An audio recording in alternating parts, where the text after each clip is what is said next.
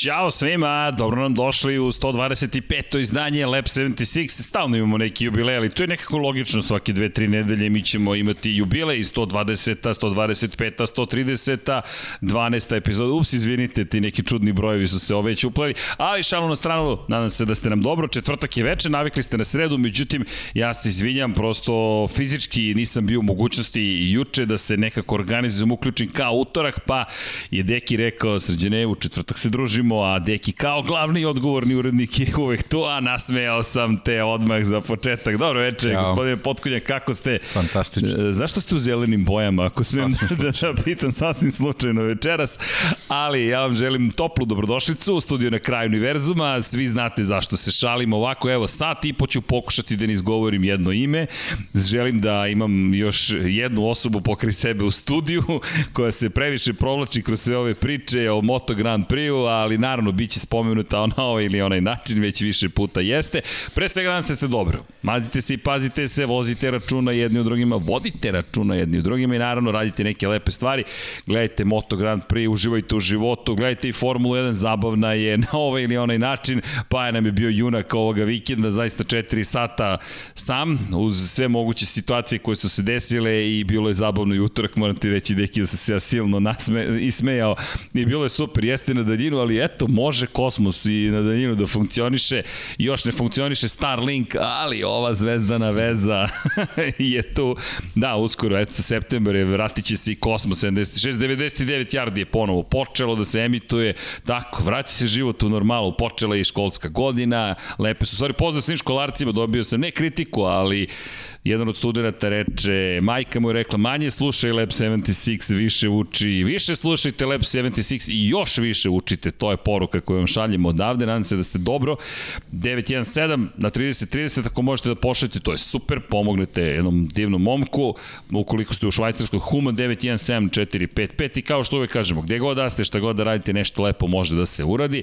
Kada je reč o našem malom univerzumu, udrite like, udrite subscribe, ljudi na 9750 smo subscribera, još malo pa pet cifara, nemam pojma šta to znači, leto, lepo je, neverovatno i zahvalni smo vam na svemu tome i veliki pozdrav svima ukoliko možete eto da da nas podržite, to je super, ali nama je drago da ste već tu, to je već podrška sama po sebi, a ne brinite, pričat ćemo večeras i o čoveku koji pobeđuje, koji će osvojiti titulu kako se sve čini, a ne može da dobije 5 minuta u etru, prosto stalno mu neko krade tu glavno svetlo reflektora, a svetlo reflektora bih i da uperim na koga? Na ljude koji su na Patreonu kada je reč o Infinity Lighthouse-u i hvala vam sve više i više ljudi, skoro 40 pruža podršku, pročitaću sva imena dok god budemo mogli, ima segment da traje, ali sa zadovoljstvom. Sana, Sava, opne Sana, ne Sana, Sava, Sava, Toni Ruščić, Mario Vidović, Ivan Toškov, Stefan Dulić, Marko Bogavac, Ozren Prpić, Marko Mostarac, Nikola Grujičić, Aleksa Vučaj, Zoltan Mezej, Zoran Šalamun, Miloš Banduka, Laslo Boroš, Đorđe Radojević, Ivan Simonović, Mihajlo Krgović, Nera Divić, Nikola Božinović, Monika Erceg, Omer Kovačević, Filip Panovački, Miroslav Vučinić, Predrag Simić, Žorž, Stefan Vidić, Mlađan Antić i Jelena, plus 11 tajnih pokrovitelja. Vidim kako se povećava broj redova u kolonama, vidim i kako raste broj ljudi, hvala vam, patreon.com kroz Infinity Lighthouse, svaka vrsta podrške naravno da nam znači, ali kažem, dovoljno ste tu, a inače majice možete da kupite, ko zna šta, nas još, šta vas još čeka u prodavnici i tako, ja se nadam da ćemo updateovati nekim novim artiklima koliko već sutra, nekim naredne nedelje i onda za dve nedelje, uf, jedva čekam taj dan, spremamo se, danas je koji? Danas je drugi drugi, dobro, još 13 dana. Dobro, to lepe se stvari spremaju i kuvaju, a lepe se stvari dešavaju u Moto Grand Prix-u i naravno kada je četvrtak veče u pitanju, nije dan ni za šta, osim kada mi imamo specijale, ali samim tim i za sve nego da mi krenemo od velike nagrade Velike Britanije. Deki, lepo je videti te i uživo, ne samo putem malog, malog ekrana, pošto je to bila situacija. Ja bih krenuo od čega? Od onoga što moramo da krenemo, Zapravo ti si mi da moram moram pre nego što krenem imam imam imam jednu misao u glavi. Ti me stalno podsećaš na to i na humanost i, i na emocije od kojih smo i krenuli. Nekako stvari dobiju formu pa otprilike se zna napravićemo pa ćemo pričati o nečemu pa ćemo spomenuti neke stvari. Ali znaš šta bih ja spomenuo? Nešto gledam filmove dokumentarno olimpijskim igrama. I gledam ljude iz 70-ih na primjer i 80-ih i pre nego što je profesionalizam ušao u olimpijske igre. I kako pričaju o tome kako su zapravo nisu radili to da bi bili na TV-u, nisu radili to da bi zaradili novac, već su radili to da bi stali na najvišem stepeniku pobedničkog postolja. I posmatram ljude koji su amaterski se time bavili, preko radne nedelje su zaposleni, rade, onda idu kući i treniraju i onda se vikendima pojavljuju na atletskim mitinzima i spremaju se za svetska prvenstva, evropska prvenstva, prvenstva Amerike ukoliko su jednim američkim državama, svojih kontinenta generalno, da bi se izborili za što svetsko, što olimpijske igre. Zašto cijela priča ima, makar se nadam smisao? Gledam Fabija Kvartarara i njegovu veličanstvenu pobedu na velikoj nagradi Velike Britanije. I razmišljam koliko smo zaboravili koliko moraš da se žrtvuješ i čega sve da se odrekneš da bismo došli do toga da ti za 45 minuta izdominiraš konkurencijom u najjačem šampionatu na svetu na motocikli, u motociklizmu, u kojem jedan Karl Kračlov ne da ne može da osvoji poene, može da sanja samo da će biti među vodećih 15, a njegov najbrži krug zapeta jednu sekundu bolji od njegovog najboljeg kruga kada je stavio na pobjedničkom postolju. I razmišljam, deki, koja žrtva je u pitanju I nekako čini mi se da u motociklizmu to zaista još uvek postoji. Da, dobijaju plate, plaćeni su, sve to super. Ali taj moment da ti stojiš na najvišem stepeniku pobedničkog postoja mi djeluje kao da je još uvek najvažnija stvar I onda razmišljam koliko zapravo nekako brzo pređem ja konkretno preko toga. Pobedio Fabio Quartararo i, i onda i ja sad se izdešavalo još milion stvari. I sad da, izdešavalo se još milion stvari. Istorijska, istorijsko treće mesto za Aleša Espargara i Aprilio. Ne, neverovatan rezultat. To je verovatno nešto čemu, ćemo, o čemu se najviše priča vikend, ali ja bih ipak da ostanemo na Fabio Quartararu, baš zbog toga, ovaj momak je pobedio peti put ove godine u 12 trka na hronometar je vozio. Njegove izjave po završetku trke su meni potpuno vjerojatno. Rekao je... Mora da menja prezime, više nije, ne može više kvarta da vodi, pošto je peta pobjeda stigla. Peta pobjeda, to, to, to. Sad je petko. Ali, ali, ali... Fabio Petković. Fabio Petković, zaista. Dok, a, kad bude šestić, pazi, to, pa, to da, može da se desi vrlo brzo. Vrlo brzo. Vrlo da, brzo. da, legenda futbala. Miloš Šestić, ali gledam i on koji izjavljuje kako je bio, zapravo nije ni gledao krugove, koliko ih je ostalo do kraja, već je gledao svoje rezultate. I stalno izlazilo 3, 3, 3, 3, 3 i rekao je kako je zapravo uh, samo pratio rastojanje odnosno na drugoplasiranog, a to je radio s lakoćom. Rekao da je bio u ritmu i da to samo da su krugovi samo išli. I evo ih ti krugovi, 2007, 2008, 2004, 2006, 2000, 2001, 2002, 2004, 2004, 2007, 2009, 2008, onda je malo usporio 2010, pa 2009, pa 2010, 2010, kao da se ponavljam i onda ovo poslednje dva kruga, to je 2013, 2013, a raste prednost. Pa generalno, pošto prvi ovde krug već nemamo ga u ovim grafikama, razumljivo i ovaj poslednji kad bi izbacili, tu se vidi, tu je bukvalno razlika između uh, krugova ono, otprilike u, u sekundi je sve krugove vozio. Manje više, bukvalno u jednoj ali, sekundi. Ali bi videlo se, bukvalno se videlo A. tokom trke, iako nije puno bio u kadrima, videlo se s neverovatnom lakoćom kako prolazi. Znaš šta je meni bilo fascinantno? Čepel. Da, čekaj. Tak, tako lakoće je bila, da je stvarno, stvarno se videlo da, da, da, da uživo u vožnji. Ono, na, na maksimumu je, ali baš je bilo opušteno. Stvarno, jednostavno, a, nekad kad, kad gledaš nekog vozača koji tako vozi, e, imaš osjećaj da, da, da će doći do neke greške, da je na nekom limitu. Ovo jednostavno da je stegnut. Da, da baš je bilo onako kao, kao pesma, onako klizilo se. Baš si lepo rekao, da, pesma. Da. Baš je bila pesma. Da. A pritom, ovi prvi krugovi su krugovi u kojima se on sa pete pozicije probija na prvo mesto. Pa dobro, da, generalno to mu je bio jedini kritični period ne, trke bio. Ako pogledamo ponovo grafiku, šta, pa drugi, treći, četvrti, peti krug, tu je on morao da pretiče ljude i dalje vozio neki od najbržih krugova trke i to je to. Ali fascinantno, zaista. I nekako, kada neko tako vozi, često vam oduzme mogućnosti da pričate nešto više o tome. Prosto vi nismo ni stigli da gledamo Fabio Quartararo. Ono malo kadrova što smo ga gledali, fokus je bio na toj bici za treću poziciju, da li će Aleš Espargaro ispisati istoriju ili ne. Ali kažem, kada pogledamo odricanje, čisto malo da, da, da vratimo krugu nazad. I Deki je dao naslov, u suštini parafrazirao sam Deki, samo sam u množinu prebacio, ne znam da li si primetio. Promenio sam naslov zašto? Dva, zak, dva zaključka. Deki i ja se, jel te, dopisujemo, čujemo, to je neminovnost, jednostavno komentarišemo trke i Deki koji kaže, pričamo o Belgiji, kako je bila značajna trka u 71. godini, najkraća trka u istoriji Formule 1 i Deki kaže, da, velika trka u Velikoj Britaniji, dobili smo novog šampiona.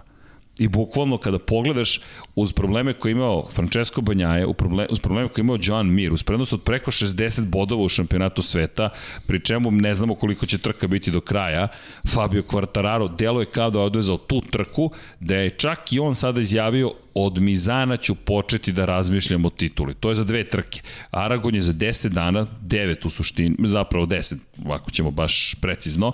Dakle, za 10 dana je trka, za 8 dana su prvi treninzi, potom dolazi Mizano. On je već tu i mislim da si savršeno rekao, jedno smo se samo kratko dotakli Moto2 klase u kojoj Remy Gardner izdominirao na malo drugačiji način je, voz, je bila trka nekako se razvila, ali on i njegova staloženost potpuna dominacija. Romano Fenati u Moto3 klasi, ne znam, u nekoj svojoj kategoriji je bio. Tamo su vodeći u šampionatu bili u nekom čudnom stanju, ali Gardner, Quartararo kao da su da je to bila ta trka koja ih koja koji ih stavlja tamo gde, gde smo očekivali da će biti pa, praktično. Pa, I bodovi u generalnom plasmanu to pokazuju, a i mi smo i u najavi ove trke spominjali i, i govorili da je nekako Silverstone staza gde ne možemo da očekujemo one, one voziće nepregledne i, i, i rešavanje trke u, u, u poslednjim krugovima, ovaj, a eto sva trojica pobednika su, su to i potvrdila sa svojim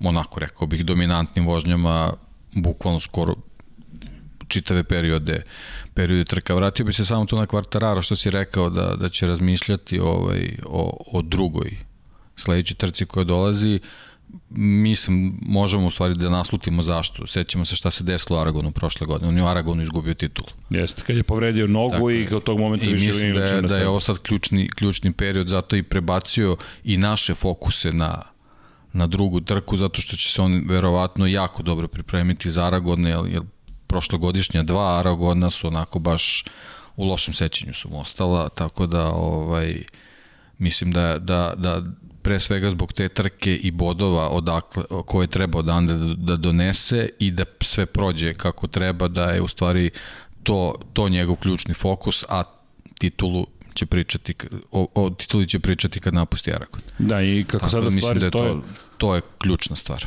Aragon, slažem se, Aragon je bio baš bolno uspomena. Ono što je meni fascinantno i samo po sebi drugačije odnosno na prethodnu godinu, on se povredio tokom ove trke. Dakle, u Velikoj Britaniji je imao ružan pad, Testirali su zadnju tvrdu gumu Mišelinovu, o Mišelinu ćemo pričati, mora da se priča. Mišelin je došao u situaciju da vozači sve više spomenju o tome da nisu dovoljno kvalitetne gume iz perspektive konzistentnosti. Naprimer, Joanu Miru, koji je drugi u šampionatu, trenutno ali 65 pojena zaostaje, on je deveti bio na kraju trke, otpao komad gume, na samom početku, to je u prvoj trećini otprilike, njemu otpada komad gume i Mirni zapravo ne može da vozi onu trku koju smo očekivali. Isto se desilo Oliveri, ako se vratimo na Red Bull Ring. Gde postoje problemi? To je potvrdio Piero Taramaso, šef Michelina, rekao je zapravo da proces je takav da koristite dosta organskih materijala. U želji i potrebi prosto da se zaštiti planeta Zemlja i priroda, sve se više koriste organski materijali. Gde je razlika odnosno na sintetiku? Činjenica je da postoje mikro razlike, ali mikro razlike u svetskom šampionatu motociklizmu su veliki rezultati.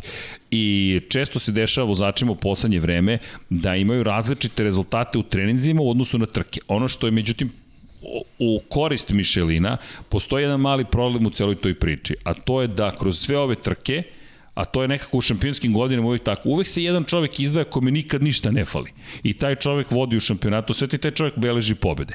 Sad, ukoliko pričamo o tome da su gume različite od gume do gume i postoje mikro razlike, Kvartararo nekako ne dozvoljava baš da ta situacija bude toliko jednostavna. Mislim da ni ne, ne uspevaju da reše nužno problem koji se zove Fabio Quartararo, koji u svim uslovima, i to me podsjeća na Marka Markeza, pa i na Valentina Rossi iz njihovih šampionskih dana, pa i Casey Stoner i svih velikih šampiona koji su imali, ono sad ide već polako kad ozbiljnom broju pobjeda u sezoni u Moto Grand Prix, da reše sve probleme. To je kada ste u zoni, što kažu. I šta god da se desi, vi to nekako znate da prevazićete.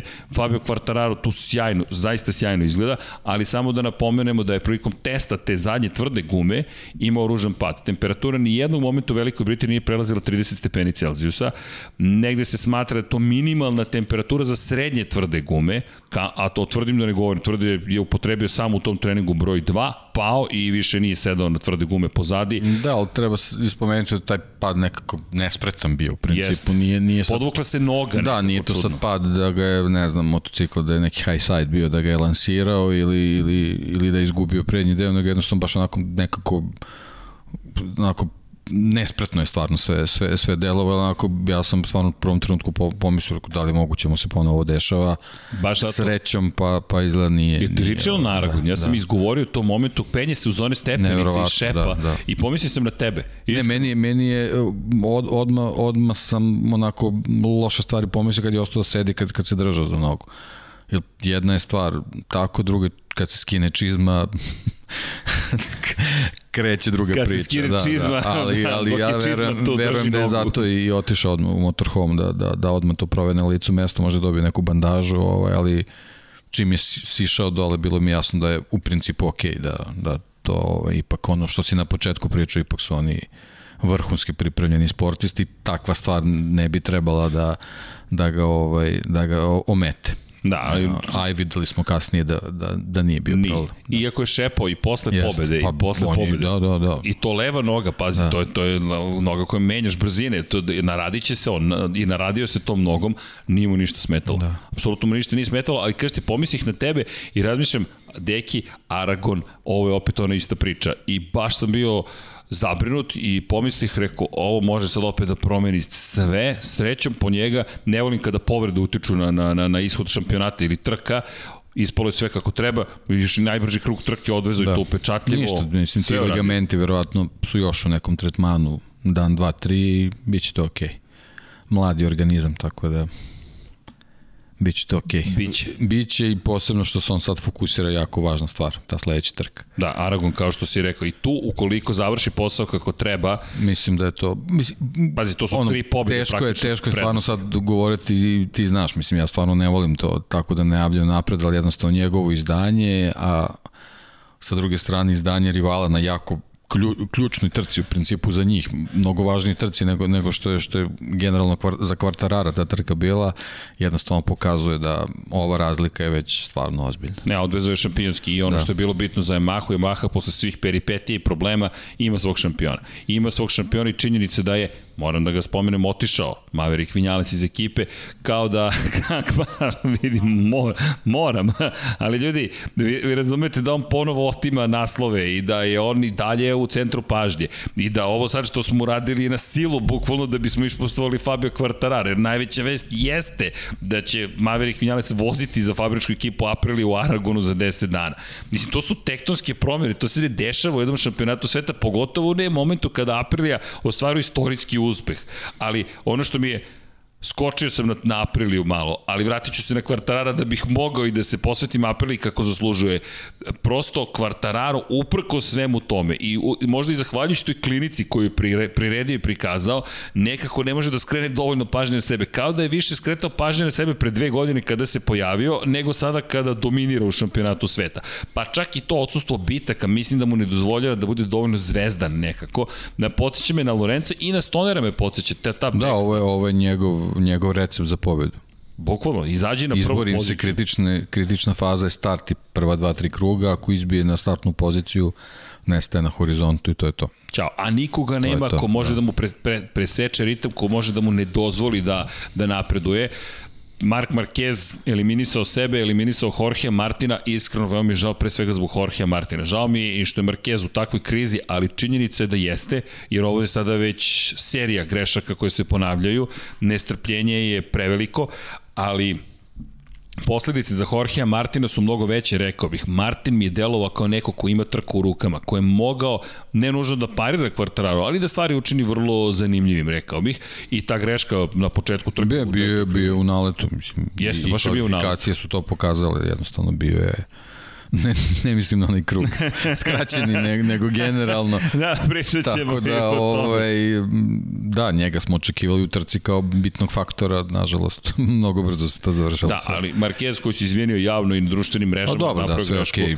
Okay. Očigledno je bilo, očigledno je bilo. Baš, baš se dešava, ali sad, sad je problem u tome što se prečesto dešava i Marquez je došao u situaciju da u toj želji potrebi da se što pre vrati i da dokaže ili pokaže ili da probije neku barijeru pa, koju mislim da upravo to ova sezona je za probijanje svih tih barijera koje, koje je napravio u, u prethodnom periodu vezano i za povredu, i za oporavak, i za ambicije, i za sve komplet, i za svoje psihičko i fizičko stanje, tako da ovo su samo način da se, da se probijaju barijere, sad ovo je opet opet neki stil Marka Markeza, uvek još nekog povuče sa sobom i to je ono što je, to je, problem. što je malo nezgodno, ali, ali dobro, mislim, generalno nije uopšte dobro ni, ni njega da vidimo tako često na asfaltu, ali to je njegov stil, to je on, to, to znamo, to, to se ne menja.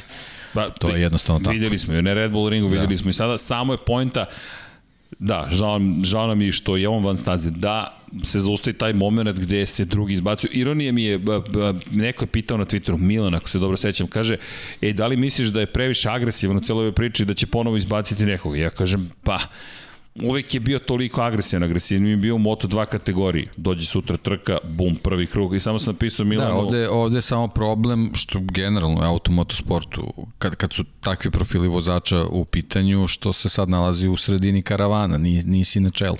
Kad si na čelu, mnogo manja verovatnoće za, za, za, za takve situacije. Kad si na čelu, ne moraš da forsiraš na taj način kako forsiraš ovaj, kad si e, niže ovaj, u plasmanu, ali ovde je generalno mnogo, mnogo veća verovatnoća se, da će se ovo desiti. Nažalost, da, opet da, Martin, a meni je da. baš, Martin mi je bio ponovo pik, nekako gledam Martina i razmišljamo, ovaj dečko može ponovo da se bori za pobedu. Ne veze što je prvi nastup u Silverstonu, prosto on je sad da se uigra, u ho, Mislim da se uvozao s motorom i da, da tačno zna šta treba da uradi i da ekipa sjajno funkcioniše, da veruju, da, da, ne da veruju, nego znaju da mogu da pobeđuju. To se sada vidi i njihova analiza kad je gledao kako ga je eliminisao Mark Marquez, strp, gde, gde vidiš da neće da komentariše jer je kamera tu, ali je svestan kao, to, imali smo ovde još jednu veliku šansu. Što opet Kvartarara ostavlja nekako usamljenog. I kažem Kvartararo na silu, ljudi, evo ja, ja sam vrlo iskren. Dakle, na silu pričamo o tome, zato što ovo, nemate šta da pričate, prosto možete da se divite njemu dok je na stazi i kažete, wow, ovo je fantastično. I onda pogledajte, ok, šta sad napisati o Fabio Kvartararo? Pa, najava trke, isto, isto smo spominjali ovaj, uh, načine kako je Yamaha dolazila do pobjega, pobjeda u Silverstonu i uvek smo dolazili do Lorenza. To je taj stil. Prepisano. To je to. To Prepisano. To. Poslednji, međutim, pobednik jeste bio Valentino Rossi, ali po kiši. Da, to je izuzetak. To, da, to nije... To, to nije klasična pobeda. Nije klasičan Silverstone, u stvari. Jeste. I to je bila njegova bitka za desetu titulu, gde možda je to poslednja Rosijeva magija. Možda je to ta poslednja, ta 2015. u Silverstonu, gde je već se teško bori za pobede, ali odjednom u trci u kojoj ne očekuješ takvu vožnju, masterclass prikazuje, ali to je onaj moment gde uz Petruće Danila koji se pojavljuje, nije otkud jednom tu trku čini, dru, čini drugačijim. Sad Kvartararo nekako nikad nema rivala u završnici, jer on jedini način da pobedi je da ne dozvoli da ima rivala u završnici. I onda nam to malo dovede do toga da kad god pobedi... A ovo je takva staza, jednostavno, jako je teško da. imati da. grupu u, u finišu. Znači, eventualno dvojica vozača, to je to. Ali razbijanjem te, te grupe sa, sa Martinovim ovaj, odustajanjem više nije imao ko da vuče ostale da, da, da priđu kvartararu. Da, a ostali Dukatijevci, da. pa, nisu se baš proslavili. Nisu se proslavili, nisu. ali... Bilo je teško da se skreće video. Bio, baš, baš je bilo, bilo teško. Baš je bilo teško, ali, ali ko se proslavio? Moramo da ga spomenemo, ne da moramo da ga spomenemo, to je ta predivna, jedna neverovatna priča o Apriliji zapravo.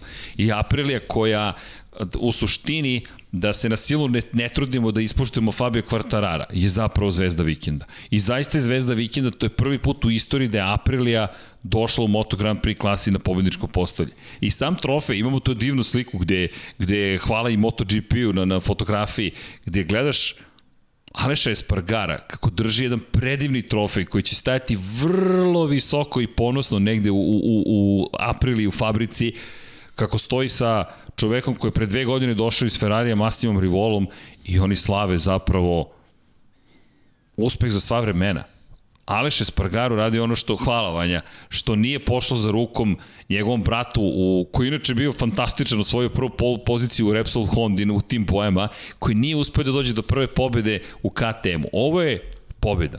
Ovo je bukvalno zapirali pobedu. Ljudi, ovo je kadar koji, koji mora da se zapamti. Pri čemu A i zapravo i za Gresini. I za Gresini, da, da ne zaboravimo Gresini, to sam zaboravio tokom prenosa, a u čast takođe Fausta Gresinija je sve ovo nekako se i desilo na kraju i jednoj sezoni u kojoj je to bilo važno i mnogo bitno što je to Aleš Espargaro za one koji eventualno ne znaju Pole Espargaro kada je otišao KTM, KTM bi bio u vrlo teškom stanju.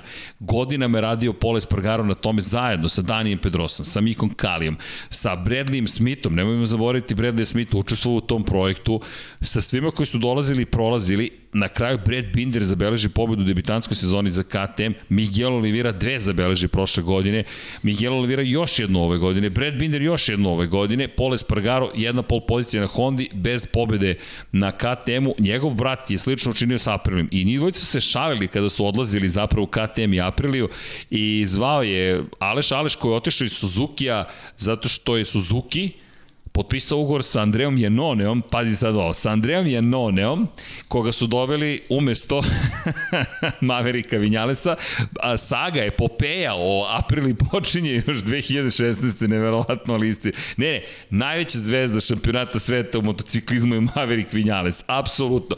Čovek je sve uradio u jednoj sezoni, ali ne, ne, Vranja, vrati, vrati onaj kadar, molim te, ovo je mnogo bitan kadar, mnogo bitan kadar. Ovaj čovek odbija da produži saradnju sa Suzukijem, jer u ugovoru Andreja Janonea piše da on vozač broj 1. To znači da ovaj čovek vozač broj 2 i on kaže neću da budem vozač broj 2. Ne tražim da budem broj 1, samo hoću ravnopravnu poziciju. Vinjales je otišao inače na ovoj stazi Vinjales zabeležio prvu pobedu u karijeri u Moto Grand Prix na Suzukiju.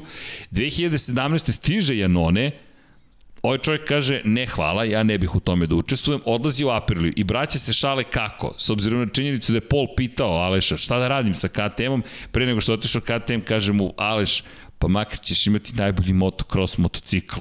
Ako ništa drugo, eto ti je uteha. I sada dolazimo do toga da Aleš Apriliju dovodi zajedno sa celim ovim tim Romanom Albesijanom i, i, i, i, i, komp, i Andrejom Doviciozom. Kakav šmekerski potez Andreja Dovicioza. Inače, Andreja Doviciozo, pošto je Maverick Vinales testirao u Mizanu juče i prekjuče, se pojavio kao budući vozač Yamahe, sada već bivši vozač Aprilije i pozdravio garažu Aprilije. Ali deki, Andreja Doviciozo se pojavio ove godine tamo. I meni deluje da je to jedan od delića slagalice koji te kako pomogu da se na kraju ovo realizuje. Pa, mm, ne može da bude baš tolika slučajnost da od trenutka kad je on uradio prve testove da je Yamaha, da je Aprilia postala mnogo sigurnija u nastupima svojim. Sigurno je nešto doprino, ne, neka zapažanje doneo. Nisi primetio, to je bilo zapažanje jednog od gledalaca, Apriliju na pravcima, Wellington pravac Ducati, Miller Juri, i Ducati ne može da ne može da odgovori na ono što radi Aprilia. Sad, ne znam, da. što, ne znam ko beše bio na Ducatiju do prošle godine. Tako da ne mora sve da, da, da, da, se ukazuje na to da je on doprineo u nekom razvoju snage ili tako nekog elementa, nego elektronika. možda elektronika i neki setupovi koji oni možda nisu otkrili ili ipak je V4 je to i to treba drugačije. Drugačije, to je drugačije. ipak drugačije. Ali to je ono što je savršenstvo. On je došao sa V4, L4 zvanično, ali sad na V4 motor, sad to je meni zanimljivo s Vinjalesom, sa i4 ideš na V4, kako će tu da stvari da se dešavaju, ali Dovicioza se pojavio i od tog momenta April izgleda bolje i bolje i bolje i bolje i ovo je sada kruna. Aleš Espargaro, inače, koji je rekao pre trke da on je jedan od najbolji od tri vozača Moto Grand Prix i da će, da će doći do pobjedničkog postoja. Ja ti moram predstaviti da se ja šokiran njegovim izjavama, ali mislim takođe da je to i pitanje interpretacije njegovih misli, gde su mu tražili da objasni šta si hteo time da kažeš. On je rekao, nisam najbolji svih vremena, ok, ok, da, reklo bi se da nisi, ali u ovom trenutku, datim okolnostima, smatram da sam među trojicom najboljih na svetu Ako je nešto prava potvrda toga, to onda da stojiš na pobedničkom postolju, budeš među trojicom najbržih na svetu, a drugoplasiranog nisam nikad ni spomenuo. Alex Rins na Suzuki, ima mim, internet mim ka, u bazenu, kako jedno dete se davi, dete koje se davi je Fabio Quartararo, mama drži ponosno malo dete, to je u celoj priči Aleš Espargaro, a negde ispod na dnu kostur leži otprilike Alex Rinsa. Alex Rins koji je došao do prvog pobedničkog postolja ove sezone, niko, evo ja nisam spomenuo koliko, 30 minuta tačno ne spomenuo drugoplasiranog, a pričali smo o tome da je možda ovo trka na kojoj će Alex Rins doći najzad do izražaja dve godine posle one veličanstvene pobede. Marquez se samo eliminisao u prvom krugu, Rins je bio drugi, nekako ni na nebu ni na zemlji, Kvartararo je dominirao, Aleš Espargaro se odbranio za treće mesto i Rins kao da se nije ni desilo, a mora da se spomene, iako je ovo istorijski zaista zapravo i fenomenalno je. Ima još jedna stvar pre nego što pređem na Rinsa i moram da je spomenem, žao mi je, ali bio sam u pravu tokom prenosa i ne mogu da me ubede ni u što drugo, iako nemam potvrdu, niko iz Aprili to nije izgovorio, ali mislim da je Lorenzo Savadori sve, mnogo toga je okej, okay, menjaš vozača, inače Lorenza Savadorija će zameniti Maverick Vinales, ono na što si mi ti skrenuo pažnju, prekasno je srđane za wild cardove. Jednostavno, morali su 30 dana ranije da ga prijave, da Više nema vremena za to. Više nema vremena za to. Vinjales jedini način da nastupi je da zameni Lorenza Savadori. Da, pošto je on već prijavljen u šampionatu kao regularan vozač, nema potrebu za wild cardom, a za sve drugo mora. Tako da kalendarski to već se ističe i, i, I samim tim jedini samim način da tim, da dođe da, je da, da zameni Savadorija. Šta da. je tu meni, šta je meni problem? Ne to što menja Savadorija, već što je Savadori, mislim da da su zapravo malo izvrnuli rugnu ceo pravilnik. Savadori se pojavio u petak, 5 do 7 sekundi bio po krugu sporiji, mislim da nije bio sposoban za vožnju Moto Grand Prix motocikla, ali da nisu doveli Savadorija, Aprilia morala da dovede nekog drugog vozača. U momentu kada drugog vozača nema, a i pitanje koliko želela sada time da se bavi u svemu što se zbiva, Savador je odvezao svoje dva treninga, ja nikada tužnijeg čoveka nisam video, mislim da nam je svima bilo jasno, on, ne dopada mi se taj moment u kojem Nadam se da će ga nagraditi na adekvatan način. Pa generalno čitava priča, ako setiš od, od, od kraja prošle sezone sa Bradleyem Smithom i s njim nekako nije, nije baš najbolje rešena. Znaš na što mi liči? Na Sema Lowsa i na Scotta Reddinga, da. na taj odnos u Aperli gde... Malo, verovatno, ono, kao zvuči opravdanje prema, prema čitavom timu Aprilije, ali očigledno nisu, nemaju toliki kapacitet da mno, mogu da se bave sa svim stvarima ovaj, s kojima su se susret, susret. Znači, na, na prvom mestu je razvoj ovaj, motocikla, svi su se usmerili na to, a onda se dešava a, bolesti i smrt Gresinija, Pri čemu otvaraju novu da, ekipu lo, za loše, godinu. Loša ta čitava situacija sa vozačima, čekanje jedno onea, mnogo je tu elemenata bilo i ono, uvek se desi da, da, da ne razrešiš stvari kako treba, mislim, nije opravdanje, ali jednostavno i ovo je verovatno jedan delić te čitave slagalice gde su, gde su fokusirani na, na Silverstone i Espargarovu trku, ovamo, ko zna kakvi, kako su tekli pregovori sa Vinjalesom i onda se tu pojavljuje Savadori koji u tom trenutku čovjek rekonvalescent i eto, desite to što se desilo baš onako bilo bez veze. Da, vidi, baš bez veze, baš da, je prava da, reč, da. jer ti vidiš po njegovom pogledu da on čovjek skriva pogled od kamere. No, jasno mu je šta se dešava. Jasno mu je, svi, to, to svima završio je, to je to. Završio Da. Ali baš mi je bilo žao zato što bez obzira i na kritike koje su mu ja prvi uputio, nekako dogurali ste do kraja sezone, počeo je bolje da vozi, po, poporavlja se, incident na Red Bull ringu kakav... Apsolutno, ono, putnik je bio putnik. potpuni, da. Ni, ništa tu nije mogao da učini i nadam se da će neki wildcard uspeti da prirede do kraja sezone, da se Lorenzo poji, da se oprosti, da napravi kako dolikuje. Mislim da je to zaslužio. U krajnjem slučaju bio dovoljno hrabar, spreman, pa na kraju i sve brži i brži da bi, jer nije ni punu sezonu dobio i mislim da služe. Da, April je potreban neko poput Vinjalesa, potreban je potreban je potvrđeni pobednik, šampion sveta i neko ko može da ti donese možda čak i pobedu. Jer bez obzira na sve, ako Aleš Espargaro može na pobedničko postolje, ljudi, Vinjales je sposoban. To je ultra, ultra brz vozač. Ono što je problem na duge staze, Vinjales Ne znam, to je, to će, to vreme će pokazati, ali evo baš smo diskutovali pre početka podcasta, izjave su na nivou onoga što smo već čuli. Da, hvala Vanja, evo i prve fotografije Maverika Vinjalesa na na Aprili Sve to super izgleda i bit će brz, nema sumnje. Ono pa, što test... bit će brz, April je pokazala pre svega da, da može da bude konkurentna, a i ovi snimci sa testiranja govore na kojoj stazi je testirao, znamo kako je, kako je bio prošle godine, znamo i moju teoriju o, o, ovaj, privikavanju, to jest na, na ovaj, uh, konfiguracijama staze koje im odgovaraju, tako da Aragon je tu da se upozna s čitom pričom, a, a Mizano je možda mesto gde će možda moći nešto više da isporuči. Kako će sve posle toga da, da teče, vidjet ćemo, pošto ako bude bilo trke u Americi, to je još jedna trka koja ima ovaj, velike usponi padove, Nisam baš Za one koji da, ne znaju, koji da. nisu pratili, možda ispratite sve, svih 125 eh, sada i ovaj 125. podcast, dakle Lab 76, ali Dekijeva teorija glasi ovako. Kada smo na ravnim stazama, Dakle, nema uzbrdica ni da. izbrdica, koliko god bizarno zvučalo. Bez velikih visinskih razlika na, na recimo nekim tačkama kočenja. Eto, da. Tako kažem. Da, tako da budemo precizni, Maverick da. Vinales je brz. Ako pogledate Portimao, na primjer, 11. Ide gore dole staza. Nema ga. Ako pogledamo Francusku, ide gore dole staza, 10. pozicija. Mugello, 8. Idemo gore dole. Katalonija opet ima malo gore pa, dole. Pa dobro, da, li nije, nije strašno, pozicija. recimo to zna, tu da. stazu poznaje. Holandija, pista, druga pozicija. Prvo mesto u Kataru, pustinja, ravno, ne može ravnije. Peti jeste bio drugoj trci, ali dobro, to je malo lete u gužvu na početku. I pazi, dosta dobar uzorak imamo da. i za sada se potvrđuje sve što si rekao. Aragon, e tu ima da se penje, ima da se spušta, ima da svašta nešto da se radi. Sachsenring.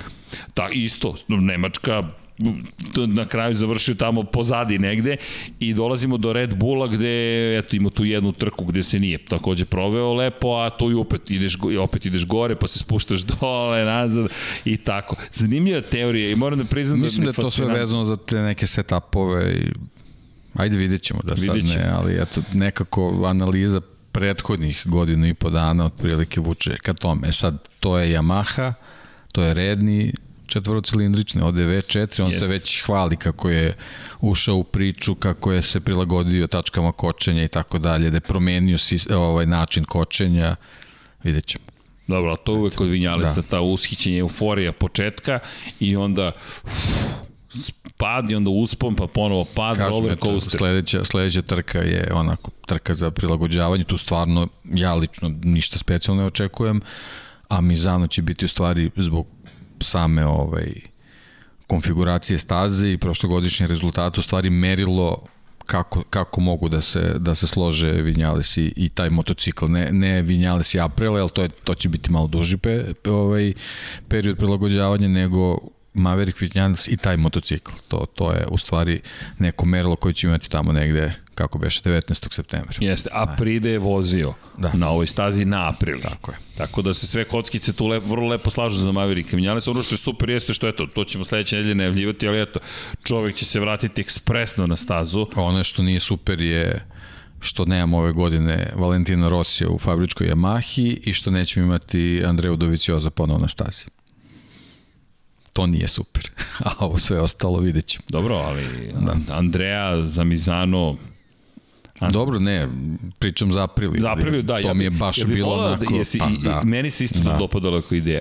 Ne Maverick Vinales, nego Andrea Doviciozo na aprili kao neko ko zajedno sa Espargarom vodi taj ceo projekat. I mislim da... Nekako mi je prirodnije bilo da vidim jednog iskusnog italijana na italijanskom motociklu. Ja, kako, to mi, šta onako, očekuješ, to mi je prirodno. Šta očekuješ od, od ove kombinacije? Uopšte imaš neku očekivanje od Maverick Vinales i Aprilija? Pa kažem ti, od, od tog Mizana ćemo u stvari vidjeti da li, da li se uopšte slaže sa tim motociklom. Jasne. To je bitno. A, a, a morat će malo više vremena da prođe da vidimo da li se, da li se uklapa u tu filozofiju ekipe pošto ekipa ima ima fokus i nije baš spremna da da ovaj Pa i kako će Aleš I vidi se u stvari da nemaju, nemaju kapacitet da mogu baš na više frontova u istom trenutku da, da se bave nekim stvarima, tako da vidjet ćemo. Da, ali ostaje je, taj žal. Da. Za, iskreno slažem se s tom, da. ja bih volio da je Aprilia angažovala Dovicioza, krajnje sebično, mislim da bi to bila super kombinacija. Da, ali, ali dobro, okay. eto, vidjet ćemo Dovija, to je bitno u nastavku ove priče, Dovi će biti ponovo s nama i to je okej. Okay. Znaš koje je pitanje pokrenuo, ne znam da li Goran ili Matt Oaksley pokrenuo pa on odgovarao, ako je bio Desmo Dovi, šta će biti sada na Yamahi. Moje predlog je crossplane dovi. pošto je crossplane crankshaft, onda crossplane da. dovi, da, da to bude novi. Ne možeš da budeš Desmo dovi, toga više nema. Nemaš više Desmodromic sistem, tako da moraš da menjaš. To je sistem specifičan za Ducati mada je Mercedes to prvi koristio u automobilskoj, automobilskoj industriji, ali dobro, Desmo je postao popularan zahvaljujući Ducatiju, ali okej, Doviciozo se svakako vraća, eto i to je potvrđeno, Lin Jarvis je u nezvaničnom razgovoru, kod njega ništa nije nezvanično rekao, to ono što smo rekli za Sky Sport, Dovi će doći, pridružit će se Rosiju, od Mizana pa nadalje, naredne godine hoće da ga zadrže u toj ekipi, u Mizanu ćemo saznati kako će se ta ekipa zvati, ali kada je reč o, o trenutnoj situaciji, Karl Crutchlow, ono što je zastrašujuće, da samo napravimo jednu, jednu, jedno gledalo sa Fabijom Kvartararom, prva pozicija za Kvartarala, ali na poslednje tri pozicije su tri Yamahe bile. Potpuna katastrofa, kolaps, kao da su, kao, kol, kolabirala je bukvalno Yamaha. Kolabirala 17. pozicija za Crutchlow. Ti gledaš i kao čekaj, Rossi 18. Jake Dixon koji inače ne, koji će dobiti, koji se neće vratiti u Moto2 kategoriju, u Aragonu će ipak voziti, neće biti Čavi Vjerhi kao što je bilo pretpostavljeno najpre. Dixon izgleda dovoljno impresionirano. Mislim da, da, mislim da je da. to i bolja odluka. Treba Jeste. ipak dati nekome šansu, to je malo obeshrabrujuće kad, kad nekog ubaciš tako vatru, mislim, ono, i ti si spominjao Dixonovo oduševljenje uopšte sa Moto Grand Prix motociklom. Kao malo dete. I onda da to, ta, ta šansa kratko traje, to mislim da nije ovaj, bolje, bolje opcije da mu se pruži prilika na još jednu, na, na, da vozi još jednu trku, da jednostavno prespava sve to šta je ovaj, ovaj, prošao u Silverstone, se slegnuti utisci, da, da, da prođe to ushićenje i da jednostavno da ga vidimo u Aragonu onako kako zaista može da, da, da, da vozi taj motocikl. To bi, pa, to bi bilo lepo, ali, ali ovo kao što kažeš, mislim, ove pozicije za, za, za Yamahu je baš onako obeshrabrujuće. E sad, Rossi je delova je mnogo bolje, deluje da je, da su, da je ona, ona ono, ono neplanirano uh, dobro izdanje na, na Red Bull ringu ovaj, vezano za onu kišu i mogućnost da bude čak i na podijum i tako dalje, na njega uticalo na sličan način. Ja sam ono to povezao kao sa Monte Carlom vezano za Sebastiana Fetela. Ono, neka iskrica koja može malo da, da ovaj, da, da ga pogura, da ga ponesi. Videli smo kroz treninge i kvalifikacije da, da to postoji, međutim, ono, vrhunski motosport i kao što, što je Moto Grand Prix jednostavno ovaj, izbor guma mora da bude idealan.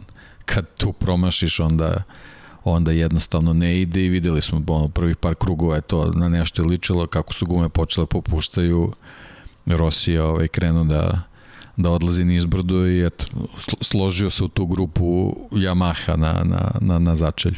Pa ono što je meni tu zapravo velika priča jeste ono što smo spomenuli po pitanju samog Mišelina koji je i Taramaso je rekao da njihov posao jeste da imali su abnormalnu potrošnju guma u Silverstonu. Ono što je tu problem jeste što sve češće se te stvari dešavaju, sve češće čujemo izjave, imali smo abnormalnu situaciju, imali smo izuzetak, imali smo anomaliju. Pa, Ako je anomalija na svakoj trci, to više nije anomalija, to je sada neka druga Ali, vrsta pravilnosti. to je druga sezona. Tako je. I prošle godine smo imali te situacije, pričemu prošle godine Ducati ima ozbiljne probleme u, u, u sklopu prilagođavanja tim gumama koje su se pojavile.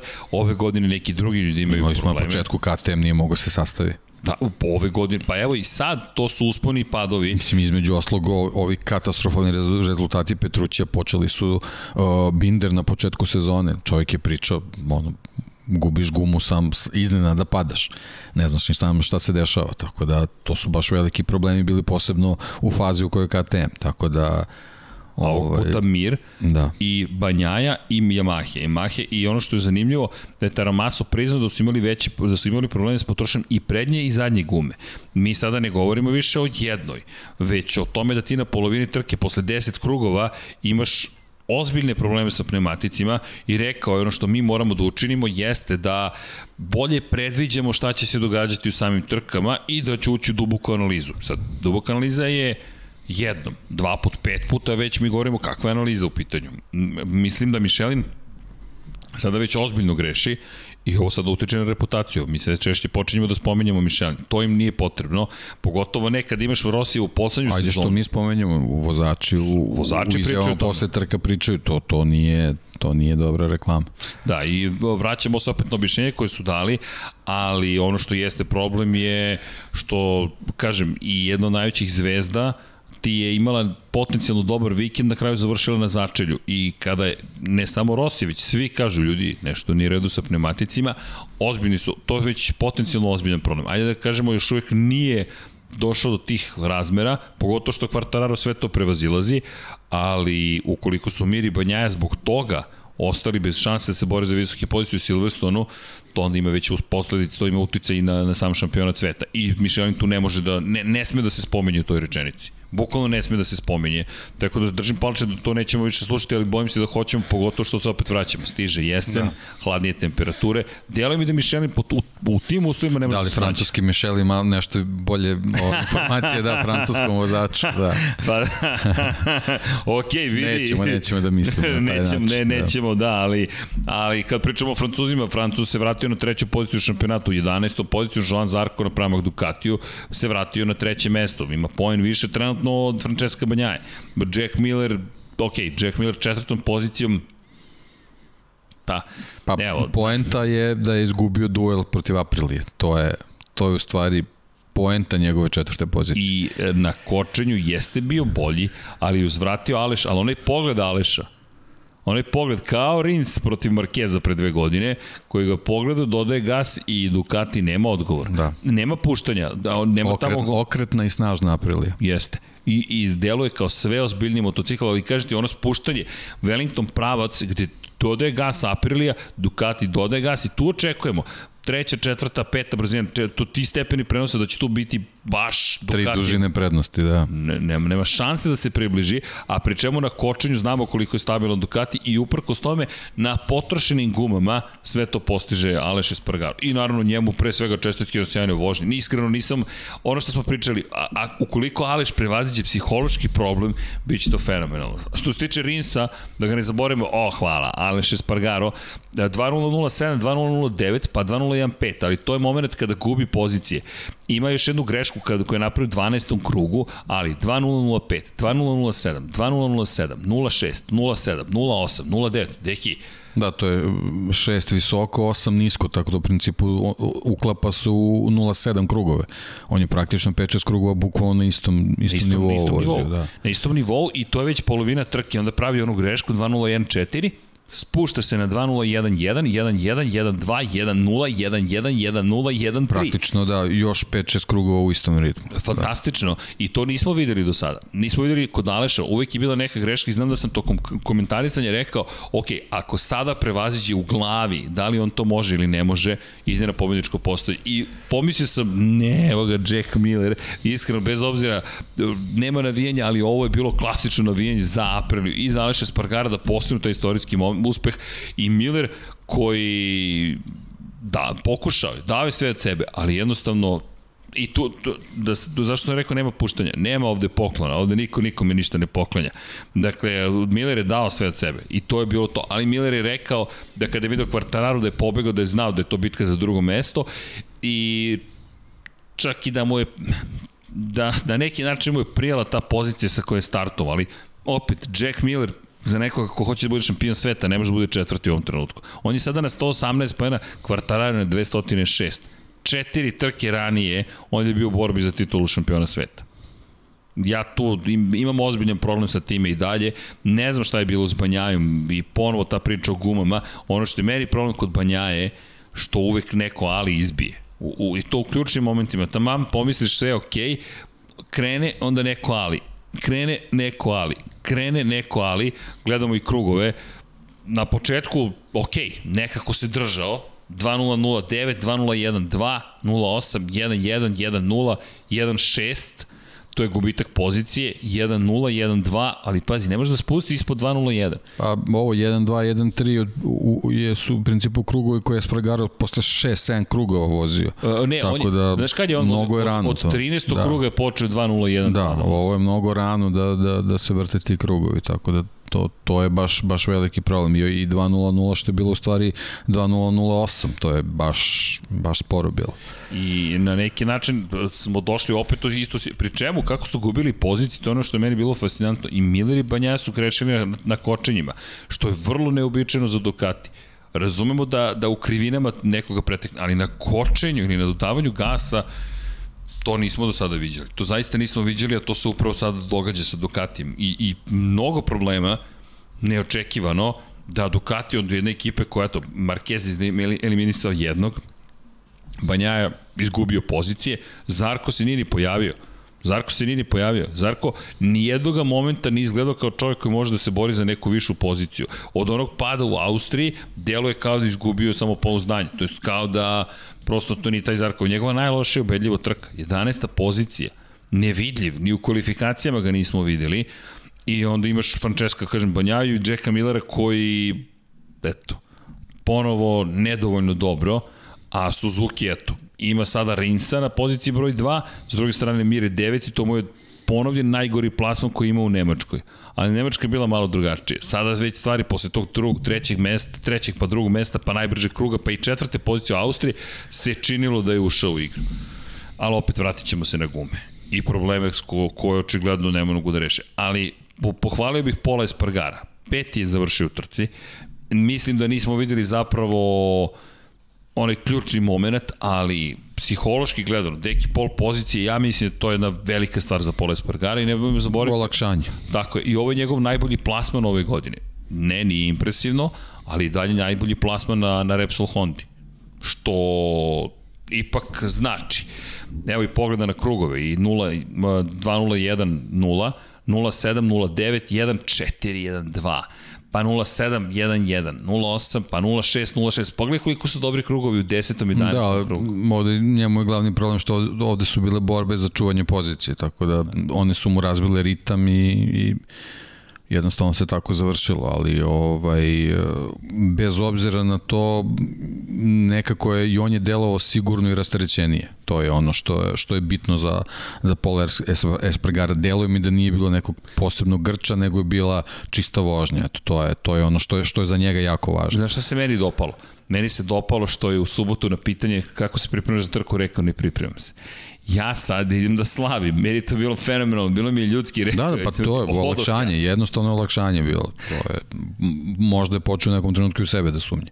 Pa verujem da jeste, verujem da jeste. I taj moment odoh da spavam sa mojim pol pozicijama, šta će sutra biti Biće šta god da treba da se dogodi i na kraju jeste bio peti, ali okej, okay, i to je, i to je pozitivan pomak. 11 poena, evo već sada se pričao. Nezgodno je vratiti se Mark Marquez, ti, ti ne možeš da, da pod navodnicima unovčiš to što si, što si već tu, što si fizički spremni, Mark Marquez pobedi a ti, ti dalje imaš neke, neke ovaj, prosečne rezultate, tako da ovo je, što kažeš, prvo najbolji plasman ove sezone u trci i pol pozicija, stvarno ima razloga da bude zadovoljan, a ide u Aragon. To je ono što je isto njemu jako, jako važno, tako da vidjet ćemo. Ja, ja se nadam da, da ćemo ponovo videti u dobrom izdanju tamo. Da, inače u, u Hondi su ubeđeni da su mogli da se bore za plasman na pobedničko posljedje s Markezom, ne, nije nemoguće, ali moram priznati da već polako Mark mora da ponovo ostvari neki dobar rezultat. Mora, prvo kvalifikacije moraju da budu mnogo bolje i mora da, da izbegne tu sredinu ovaj karavanu u nekim ključnim trenucima kad mora da hvata priključak, jer on kad mora da hvata priključak, on kreće na limit i kreće u rizik. I to je kad si u gužu jednostavno videli smo na Red Bull ringu moraš nekog da zakačiš jednostavno ne, ne možeš da imaš čistu putanju pogotovo ne u ovom Moto Grand Prix nema ovde slobodnog je, prostora to, ovo, ovo je Moto Grand Prix je mnogo drugačiji od onih od pre 4-5 godina a pazi koliko se to promenilo da. meni je to fascinantno kao Kračov kada izjavio ljudi ja sam ovde bio na pobedničkom postolju krugovi su bili jednu zapet, jednu sekundu sporiji. Mi govorimo o sporijim krugovima. Karl Crutchlow je u Velikoj Britaniji čovek on je Ja, ja nemam komentar, on je on čovjek bio na pobedničkom postolju. On, on je sračunato doveden sad u Yamahu da bi vozio utrku na Silverstone. Bukvalno je sračunato doveden. I I Yamaha nikakve bodove nije uzela. Nigde ga nije da, bilo. Da. Nigde ga to je to, nije to je to i to je to je ono što što pričamo nedeljama nazad ovaj da ne zvuči grubo ni opravdanje, ali to je to je ovaj suština priče o Valentinu Rosiju. To je to. Valentino Rossi... Nije on, nije on toliko spor koliko su drugi postali brzi. Cijela priča je meni fantastična s jedne druge strane tog napretka i tih klinaca koji su došli, a gledaš neki ljudi koji su bili brzi, još uvek su, ti si fenomenalno rekao, brzi su, jesu, ali nema rezultata. To je, to je kraj priče, to je to. cijela rečenica. Tako, vidio si sredinom trke kako su Nakagami i Alex počeli, Marquez počeli da ga stižu. Neverovatno. Neverovatno. Inače, Rossi koji daje intervjue, polako ide u penzionerske dane i sada polako otkriva mnogo zanimljivih priča. Kada ga već spomenju, meni je bila fenomenalna priča o Aleksu Parošu i, i kada je rekao da mu se dopada da priča zapravo Aleksu Barošu, koji je pa je pomalo, pomalo i zaboravljen, ali ono što je fenomenalno za BT Sport je dao divan intervju I ono što je zanimljivo, prebrali su naši italijanski kolegi Britanci, e, rekao je koliko rivala si ima u karijeri. 175 različitih vozača je vozilo protiv Valentina Rosija. to je neki, to su besmislene sada informacije. To znači 175 ljudi je sedelo na motoru. Znači 175 direktnih rivala. Pa to je kao da se ono 12 sezona da su se svi menjali. Bukvalno, bukvalno da su se svi Kreneš menjali. Kreneš u sezonu, došli su novi. Pa sledeće godine ponovno. Da, to je kroz sve njegove kategorije, da. ali opet 175 rivala i, i meni je divna priča o Aleksu Barošu, kada je reč o ostalim rivalima, fascinantne zaista izjave dao, ali ono što je, što je bilo predivno za Baroša, rekao je da je od njega naučio kako da koči i ulazi u krivine i rekao je Baroš je bio vrlo brz, i pričao je o tome da zapravo Baroš znao je ukoliko se nađemo u poslednjem krugu zajedno, ja tu, ja tu bitku gubim. I, I koliko moraš da razmišljaš unapred i kada se borio protiv Baroša, baš je težio ka tome da mu ne dozvoli da ostane uz njega u poslednjem krugu. Ali fascinantno je sada kad progovori o tome kako je on pristupao trkajima i šta je radio, šta se sve to vidi, a za, za Casey Stoner rekao iz perspektive čistog talenta da je bio nepobediv Casey Stoner što se njega tiče. Takođe, uh, ono što ostaje pri svojim rečima da nije zaslužio da dobije riva, da dobije klubskog kolegu poput Lorenca posle svega što učinio za Yamahu. I to jeste koren raskola zapravo između Yamahe i Rosija, ali da, ono sad se već is, iako je bio to ozbiljan u toj rečenici u sledećoj se našao rekao možda su mogli da mi daju nekog sporijeg. Ali činjenica je da je hteo da bude kada se priča, dosta se priča to, te paralele i, i, i možemo da pravimo, makar ih ja vrlo svesno pravim Yamaha se tada posvetila jednoj osobi sa razlogom, kao što se Honda posvetila jednoj osobi s razlogom, kao što je Suzuki pokušao da se posveti jednoj osobi, nisam siguran da je Andrea Janone bio pravi izbor da se posveti, ali ok, Davide Brivio je čak i to pokušao da, da, da u Moto Grand Prix, nije mu pošlo za rukom, Davide Brivio je bio šef Suzuki kada je došao Janone, ali to ti je nešto što ja mislim da nedostaje, na primjer, konkretno Ducatiju, Tamo je Ringišpil. Pa ajde da vidimo ko je bolji u ovoj trci, pa ćemo pa, to za njega da navijemo. Dovicioza najbolji iskusio. Najbolji iskusio. Nisu stali uz njega, a to ti je potrebno. Da li, ok, pobegoh malo na neke druge teme, da, dodao inače za, za Markeza, da bi se pomirio s Markezom, rekao bi će potrebno, pa jedno 20 do 30 godina, tako da, kad bude vozio neku drugu kategoriju na, na dva točka, tako da će se tada miriti, ali dobro da, zabavno, zabavan period, moram ti priznati, nekako toliko toga se dešava i pokraj staze, inače Valentino Rossi je ogromna zvezda i u Velikoj Britaniji, izuzetno poštovan, ponovo pozdravio publiku, biti sport je bio zaista fokusiran na, na, na njegovu poslednju trku u Silverstonu, nekako uz ovaj rezultat to je pro, prošlo neću reći neopaženo, ali drugačije nego što smo očekivali, pogotovo što je bio brzo u treninzima. Ali dobro, da se vratimo trci. Uh, ima tu još vozača, jel te, koji su se pojavili. Iker Lekon. Rekao si, ba bar pola sata da pričamo o Ikeru Lekoni. Uh, hoćemo da merimo vreme, da krenemo od 21.59 da, do 22.29 pričamo o Ikeru Lekoni. Iker Lekona, sedma pozicija, ali deki, nije samo što je sedma pozicija, to je šesta pa sedma pozicija za Iker Lekona. U teškim uslovima i sada u situaciji u kojoj uh, Silverstone je pokazao da moraš biti baš dobar da bi ovde uspeo. Iker Lekona, druga sezona takmičenja, dobio je otkaz i teh 3 KTM-a. Međutim, zahvaljujući ovim trkama, Iker Lekona ističe kandidaturu možda i za neko mesto za ostanak u Moto Grand Prix. Pa, ono, možda je prerano da, da se priča na taj način, ali je činjenica da, da je ovaj, možda sam sa sobom neke stvari raskrstio, da je možda uh, da je to saznanje da, da gubi mesto ga je možda čak i rasteretilo. Jednostavno Ima može, vozač. može da se desi ono, krenuo je drugi list malo se više koncentrisao i, i, i uz malo više sreće moramo i to da pomenemo mislim, nije baš uvek sve bilo na, na njegovoj strani nije. vezano i za neko odustajanje i tako dalje tako dalje tako da ovaj lepo je lepo je vezati ovaj ta dva dobra plasmana posebno ovaj na, na, na način kako je ovaj to uradio sa sa dosta preticanja mislim oni i Alex Marquez onako bili bili, su bili zvezde da baš, su bili, bili vredni. vredni i, i što je Ikeru ovaj, još važnije, on je bio praktično iza Breda Bindera od, odmah tu. Tako da to je nešto što KTM sigurno gleda i posmatra. Tako da Šesta, sedma pozicija, ovaj, Binder je bio šesti. Da, da, baš, baš ovako sve, sve pohvale za vožnju, to ja se nadam da, da će pre svega što se tiče motocikla biti u, u, u stanju da, da to nastavi, a, a vezano ovaj, kao i za sve ostale Španci ide Aragon. To je ono što je što je njima onako nekako ovaj vezano za, za, za, za, za te ovaj ta pokazivanje brzine izuzetno važno tako da ovaj znamo ako već spomenjemo Markeza Aleksa u tom paketu znamo koliko je Aragon prošle godine bio dobar za njega ovaj, i, i, i ne, ne, ne samo Aleksa, nego, nego ako pričamo o Hondi, onda pričamo i o Nakagamiju i čitav taj paket može, može da bude dobar tamo, a u čitavu priču treba staviti Ikera Lekuonu, ako veže i treću dobru trku, onda stvarno neko treba da se zapita da li, da li mu je i dalje mesto tu, da li ga treba još malo istrpeti. Jesam ti rekao da će ići na pobedničko postolje prošle godine. Jadan čovek, od kada to isgovorih, nema ga nigde, u Aragonu se nini pojavio, dobio COVID čovek. Da. Ali, pa to kaže malo, malo i, i, i sreće ne, treba imati. Tamo se prekinuo, ni, prekinuo da, ni. Da. Do tog da. momenta Iker je lepo napredovao od COVID-a, a i to ne znamo. Kakve su posledice COVID-a? Niko od nas nema predstavu da li to i na koji način uticalo na tog momka. Mi samo znamo da prosto u ovakvom konkurentnom šampionatu nije bio dovoljno brzo. Sada je dovoljno brzo i, i ti znaš da ja malo to volim da dodam, bude sensacionalistički, ali nije sensacionalistički samo. Zaista se spomenje da bi mogla ekipa Sepang Racing tima da razmatra čak i angažman Ikera Lekone. Videli smo da je nestašica vozača.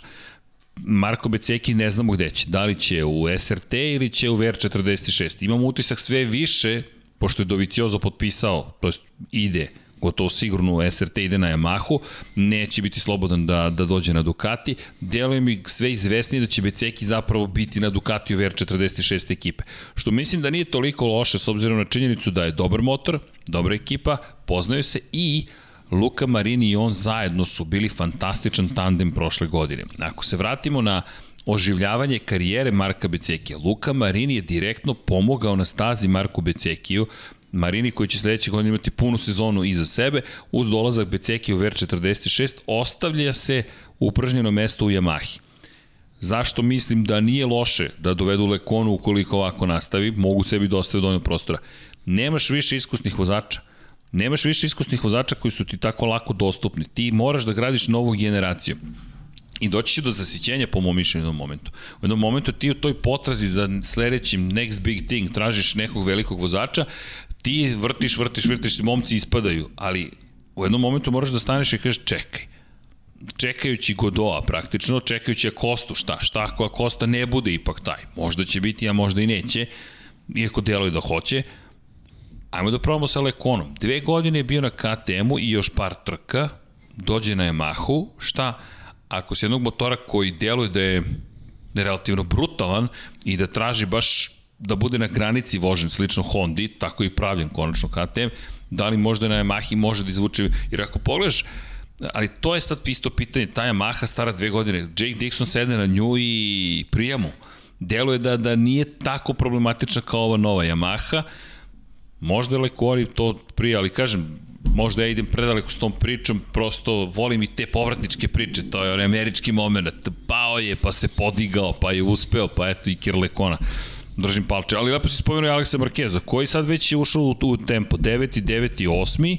Pa ovo ono po receptu prošle sezone, prošle so, sezone mu od Lemana krenulo, sećamo se kako je kako je išlo, ovo sad ovaj, ova priča recimo od Red Bull ringa pa, pa sad na, nadalje kaže može da bude dobra, a posebno ono kao, ajde da sad ne najavljamo trku, ali kad se naslonimo na Aragon prošle godine, pa, pazi, tu će biti postoju, mnogo motocikala koje, koji će konkurisati za visok plasman u, u, ovaj, u Aragonu, što ono, s jedne strane može da odgovara Fabio Quartararo koji sad nije, nije mu, ne gori mu da mora da pobedi, dok sa druge strane vozači koji ga jure moraju da ostare visok plasman, tako da on ima poziciju da može samo da sedi, da čeka i, i da vidi kako će, se, kako će da se reše situacije, njemu je samo bitno da pregura taj Aragon pa mislim da je bez to problema. metoda Red da. Bull ringa. Da. Otprilike, ako se popne na pobjedičko postolje, super. fantastično. A ako se oni nisu popeli, još bolje. Da, bukvalno to. I to, ali to su šampionske da. godine, ok, konkurenti samo uništenje vrše, super. I čak i da mu se vrate na, na neku visoku poziciju, nije problem. Mir je, pon, je, je imao toliko lošu trku da se to sve anulira, a trka ponestaje. Mizano, dva puta ćemo voziti u Mizanu, tako da... Znamo da su Yamahe to isto to im odgovara. Da. To im i tekako odgovara. Imamo dve, imamo Aragon i Ameriku. Amerika još uvek stoji... To je, da, to je sad pitanje, da. To više sada ne znamo.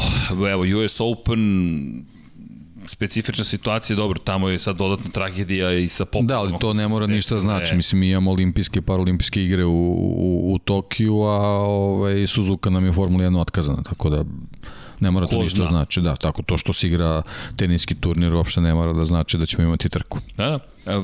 Ono što je meni međutim indikativno jeste da se dalje šalju dokumenti, dalje su svi u punoj pripremi da se ide u Ameriku. Pa to mi je okej. Okay.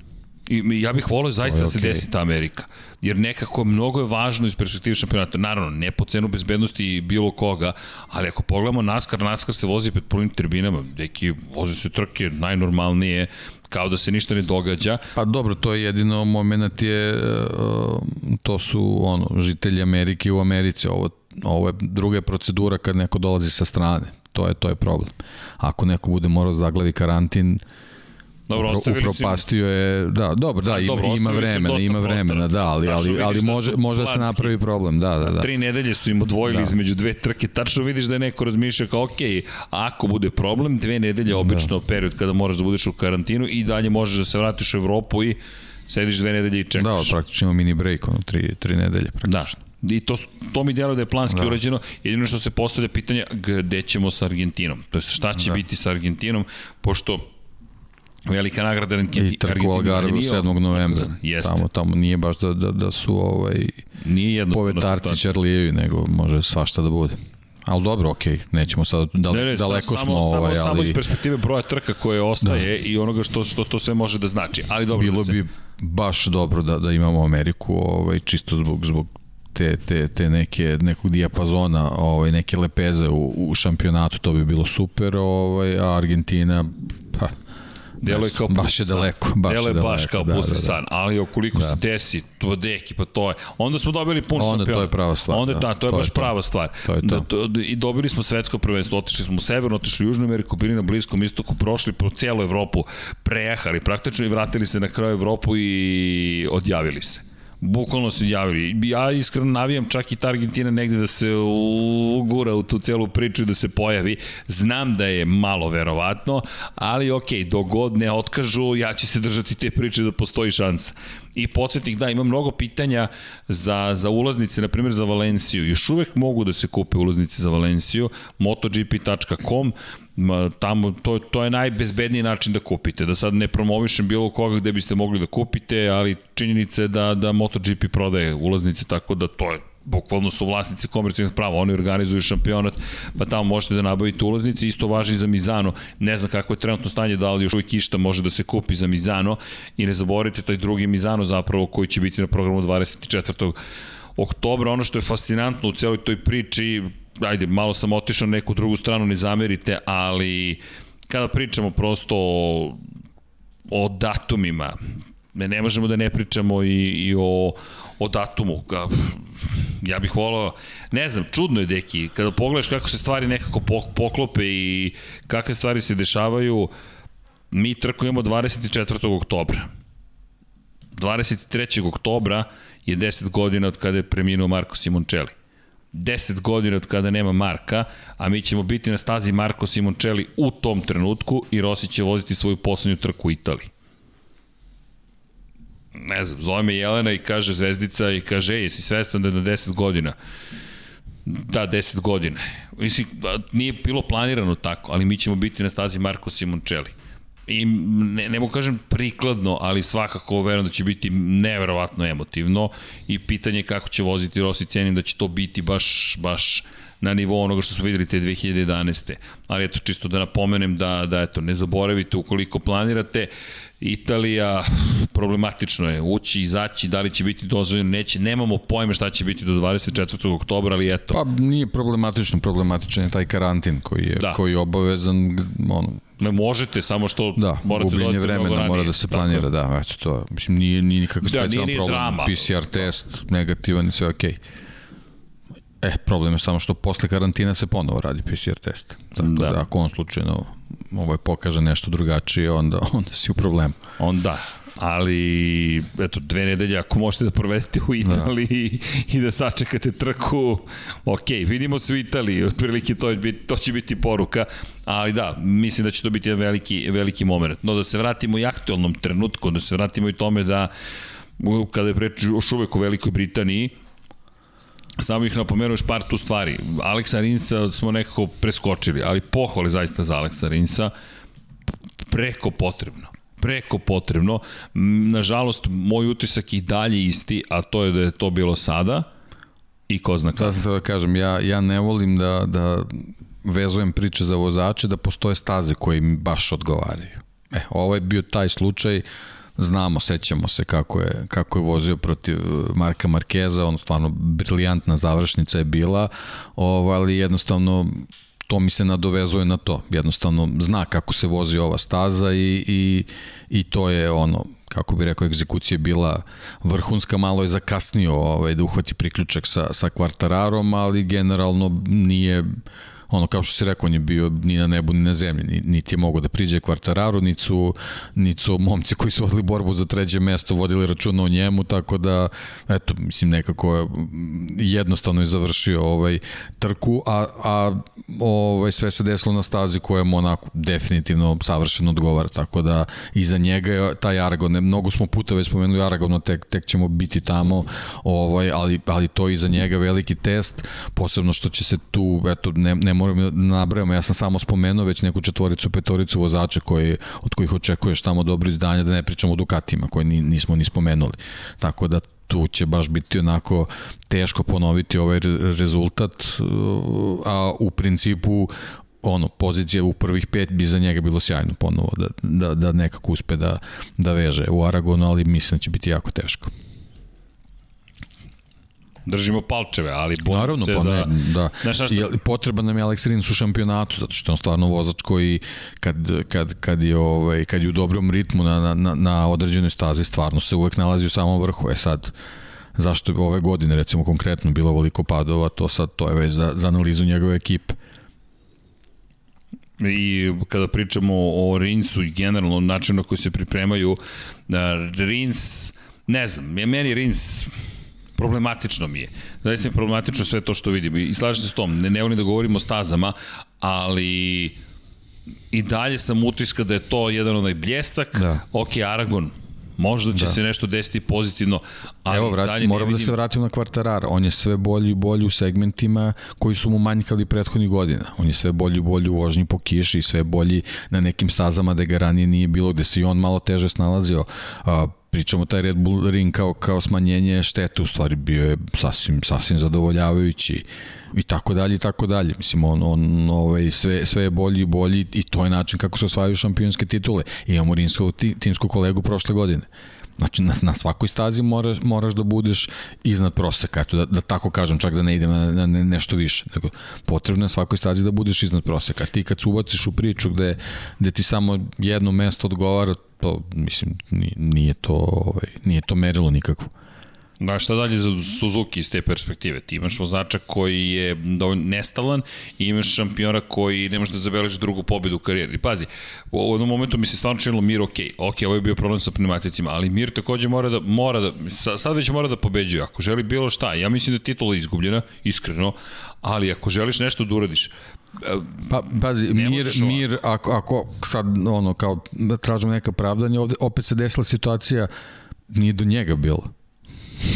Jednostavno se desilo to što se desilo. Gubljenje bodova na prvoj trci u Kataru. Apsolutno nije do njega bilo. I tako dalje, i tako dalje. Mislim, bilo je, bilo je tu dosta situacija. A što, će, što se tiče Rinca sa, sa druge strane, u principu su njegove greške sve bile. Gde su se gubili bodovi. I ja sad, sad možemo ono kao neki šlagvort ovaj, o fantaziju da pričamo. Ja sam u prvih 4-5 trka, kad god sam stavljao vozača Suzuki-a ovaj, u, u tim, ja sam stavljao Rinca. Iskreno. Čekaj, kad već spominješ da. kako stojiš u zvaničnoj ligi. Pa ne, tu sam je negde oko 300 tog čvrstog. Tu si, tu smo, 300 prvi. Sidro sam neko, ma nije možda, možda sad i malo gore. Znaš ko je meni bio u ekipi? Jorge Martin. Hvala. Možda sam ja, taj čekaj da vidim, zaboravio sam već. Jorge da Martin u ekipi, Fabio Quartararo, tu, tu sam znao šta će da se desi, Ducati, Mark Marquez mi je srebrni vozač. Čekaj da, da ja uđem da se podsjetim, da. I Brad Binder mi je drugi srebrni vozač. I pazi, nije to loše izgledalo, ali Marquez je sve pa, to. Ja sam onako, Quartararo mi je prvi, Jack Miller je drugi, Ducati mi je ekipa, a srebrni vozači su mi Zarko i Oliveira. Ja sam Oliviru eliminisao. Tako da, Videlo se da ima 16. je bio u trci, Olivira se dalje muče Ja nisam mrzelo me, predno 3-4 trke i, i ostalo je tako. ne, ne, ja sam, na, da. ja sam ostavio i onda sam za mene rekao Jorge. A dobro, imam, imam, ovaj, imam milion i po ovaj, viška gore i njega, pa da, dobro, mogu ja ovaj, sada za, za Aragon dobro to da složim. Ajde, ne vidi, vreme za bustovanje. Da, mislim. da, ja mislim da, da, da je vreme za bustovanje. Da. Pazi, ne mogu da budem 300, 300 i prvi, to, to nema smisla peti sam u ligi koja ima osam takmičara. Ne, ne, ne, ne primjereno je u celoj toj priči, ne, ne prostoje... Kako? 300 kao? A o, Vanja mi da. kaže 300 kao Sparta. E, moj Vanja, termopilj je zamenimo, zamenimo Oliveru Aleksom Markezom i Busto Millera za, za Aragon i Bog da me vidi. Eto, to je to. Dobro, I da skočim 100, 100 pozicija. Ček sam, a gde nam je liga? Nisam ovaj, vidio ko, ko, ko tu vodi. Teme u termopil posla, Vanja. Hvala ti, ali Lap vidi. 76. Liga. Da. 92,5 poena sam osvojio u... I koji si? Rang? 327, pa to je oko 300 te pozicije. A, još uvijek sam ispred, da. deki, držim da, se, da. Vasi, to je duel ovde.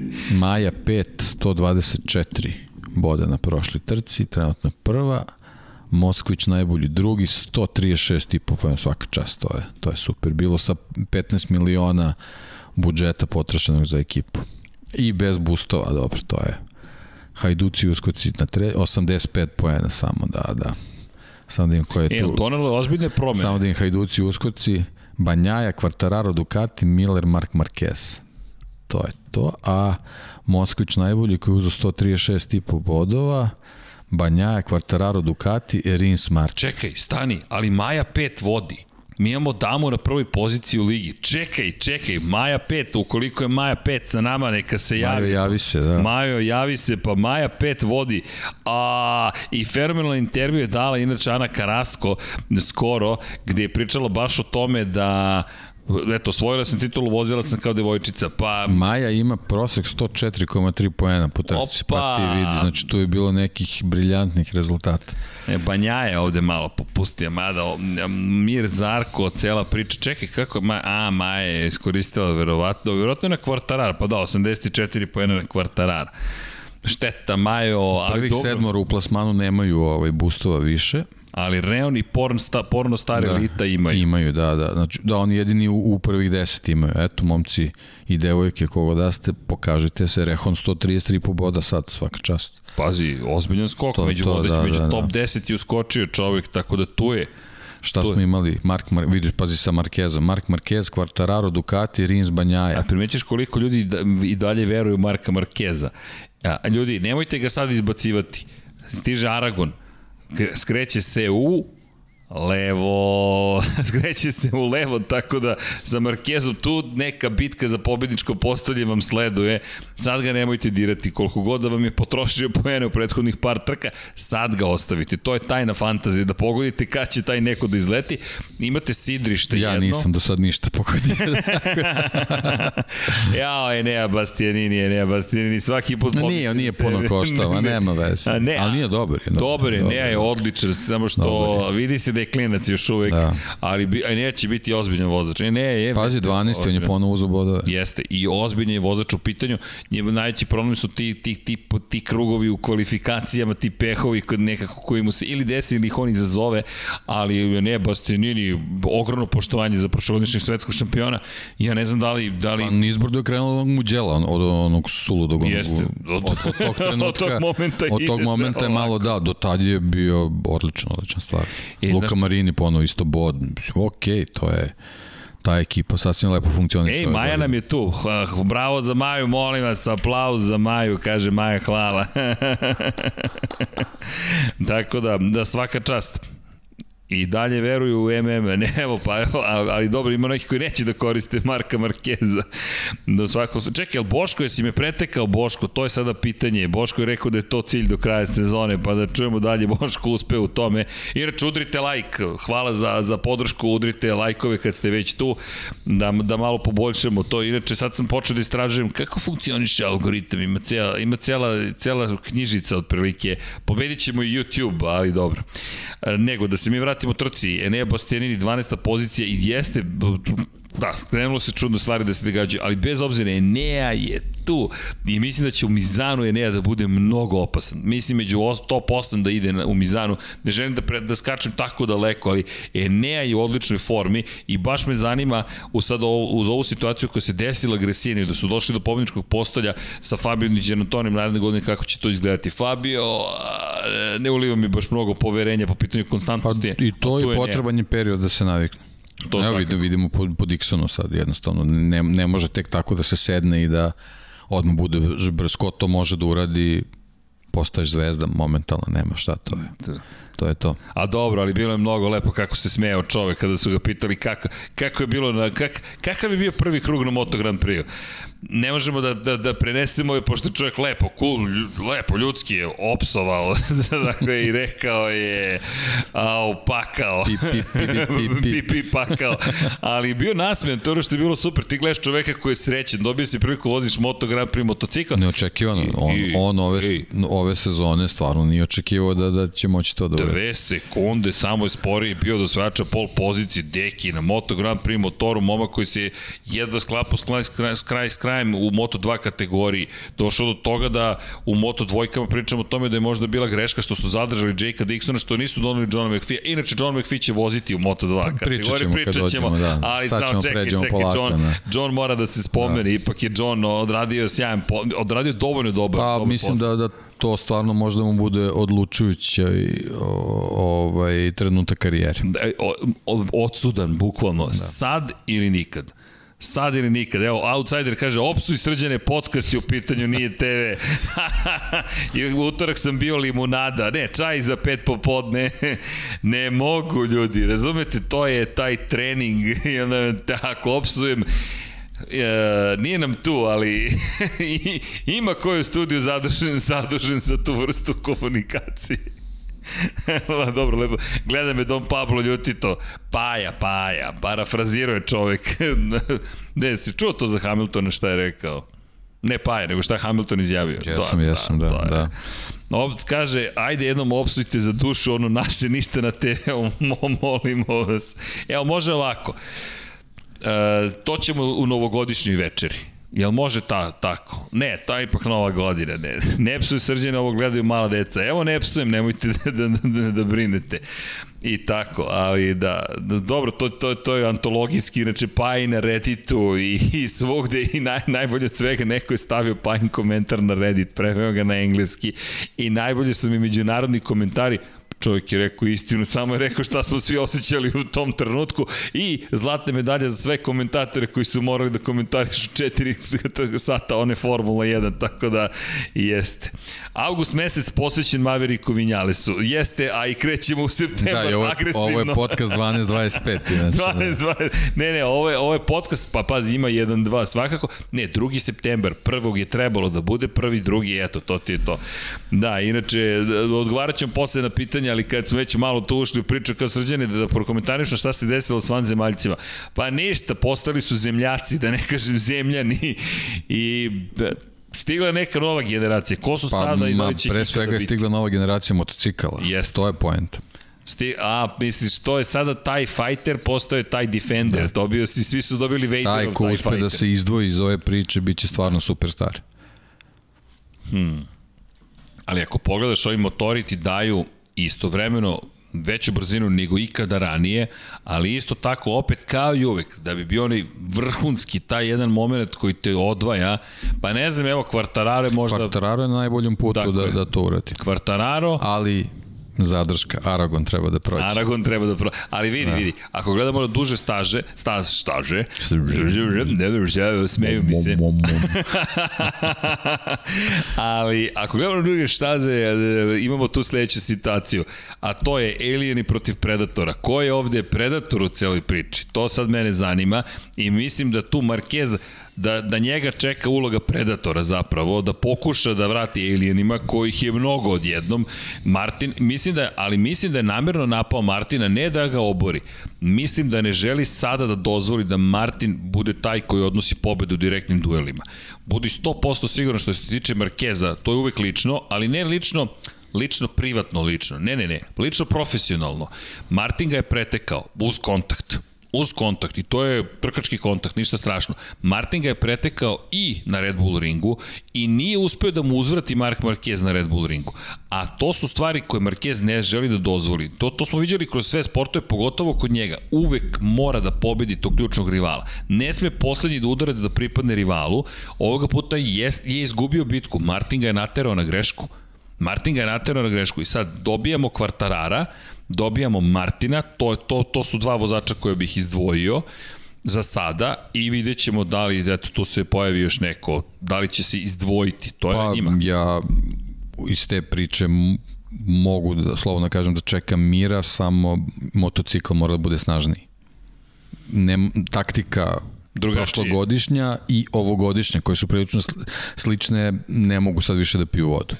Mora, mora da ovaj, da bude ovaj mnogo mnogo konkurentniji da, da tako kažem. Eto to je to Dobro, su vozači koji koji pomalo oskaču i ne znamo, čekamo ovaj Franka Morbidelli.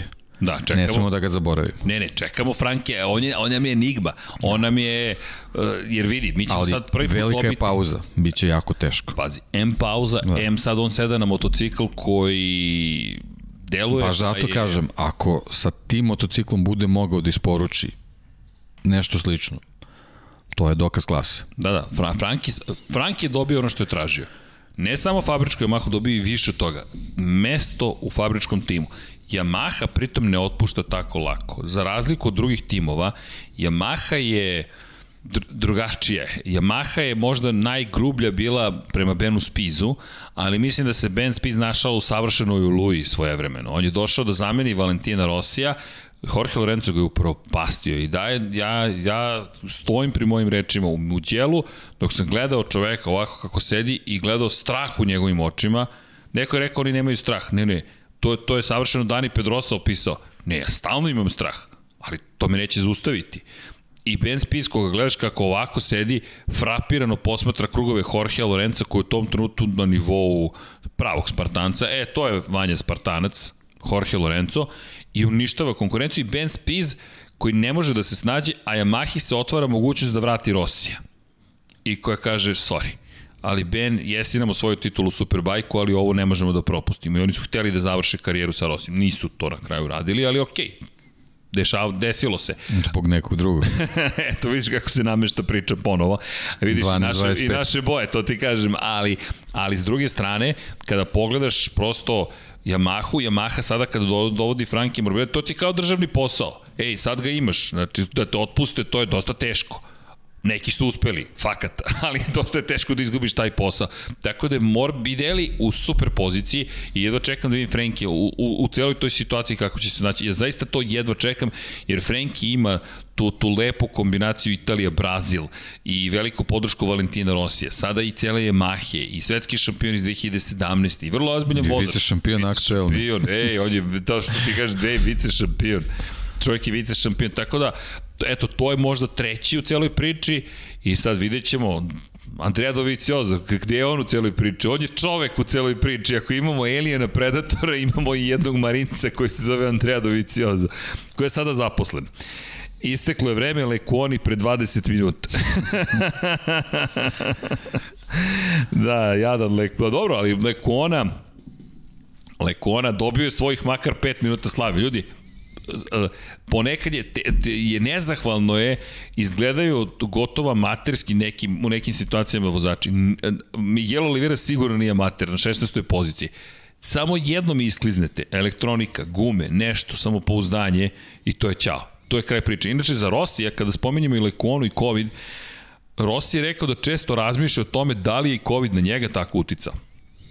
Kada se oglasio Lewis Hamilton... Činjenica je kad se vratio Kad posle COVID-a drugačije. Barcelona, od, posle Barcelone... Ne, od kada je došao, da. od kada se vratio sa te pauze, to je to. Više nikad nije bio toliko brzi konkurentan. Ne znam. Izgledao je starije. Izgledao je starije. Izgledao je starije. Prvi put izgledao starije. No, čak i sedu da. kad vidimo to, to vidimo da, e da, i, i za Kimija pitaju mnogi ljudi. Deki, Ode Kimi. Pa dobro. Ali to je isto okej. Okay. Pa sve okej. Okay. Ali pazi sad ovo. Mislim da i on to kaže. Ali, ali sve u redu. A, se, se sećaš malo pređeš... Znaš koliko ima relija koji nije izvozio. A, ali slušaj sad ovu priču. Marko Simoncelli. 10 godina će uskoro.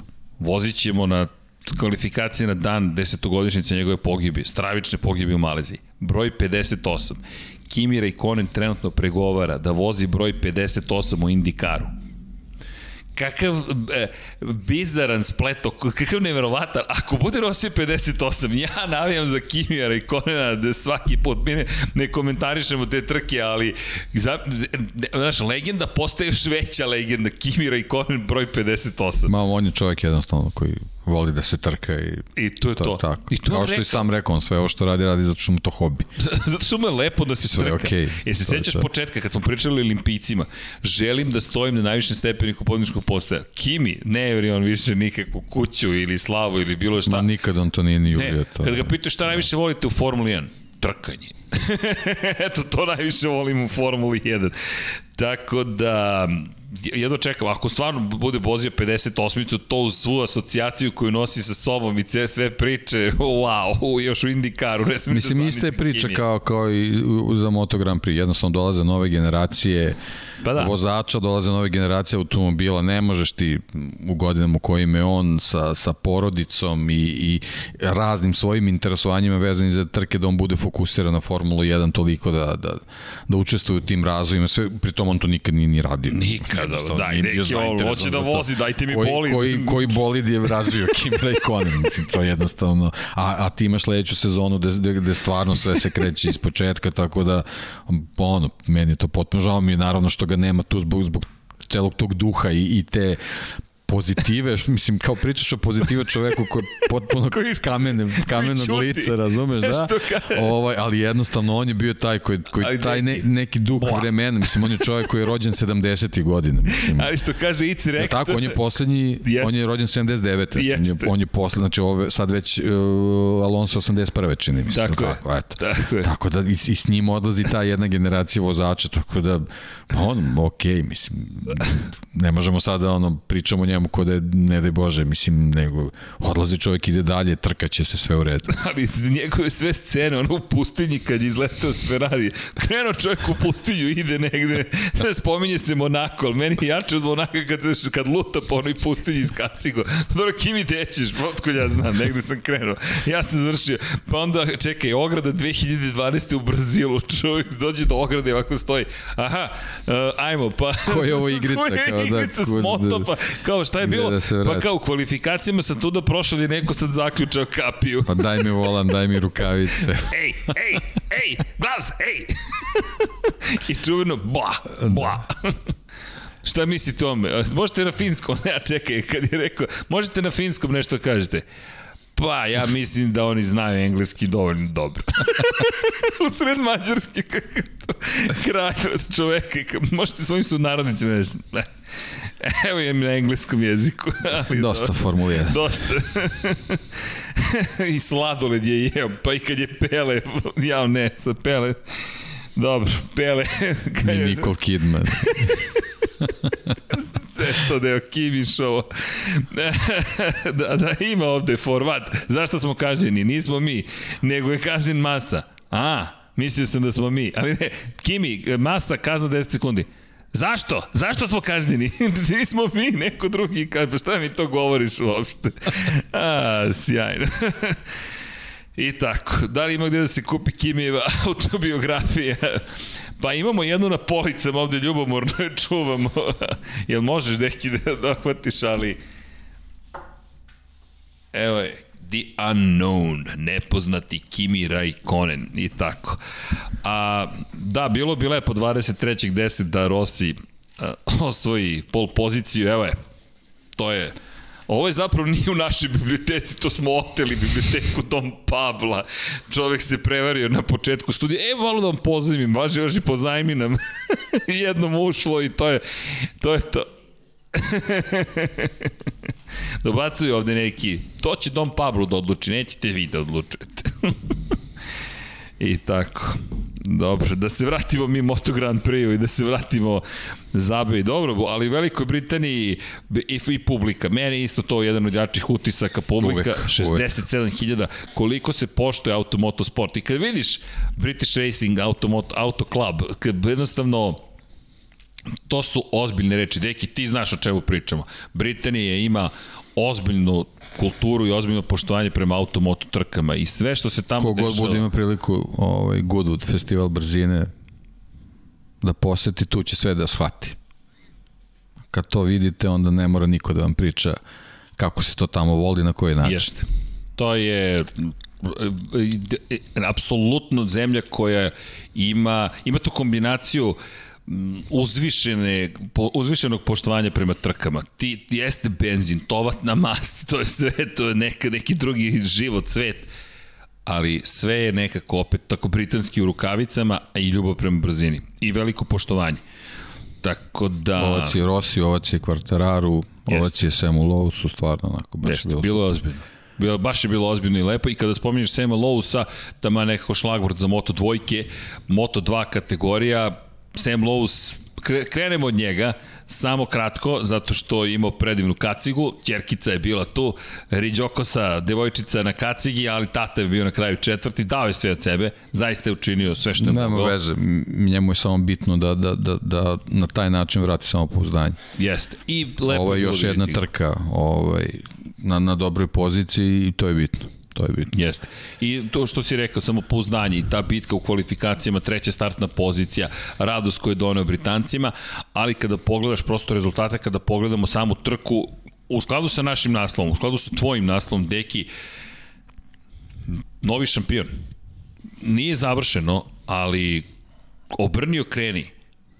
Kada pogledaš celu sezonu, mi se vraćamo sada već na jedno ime konstantno se vraćamo, ne više na dva.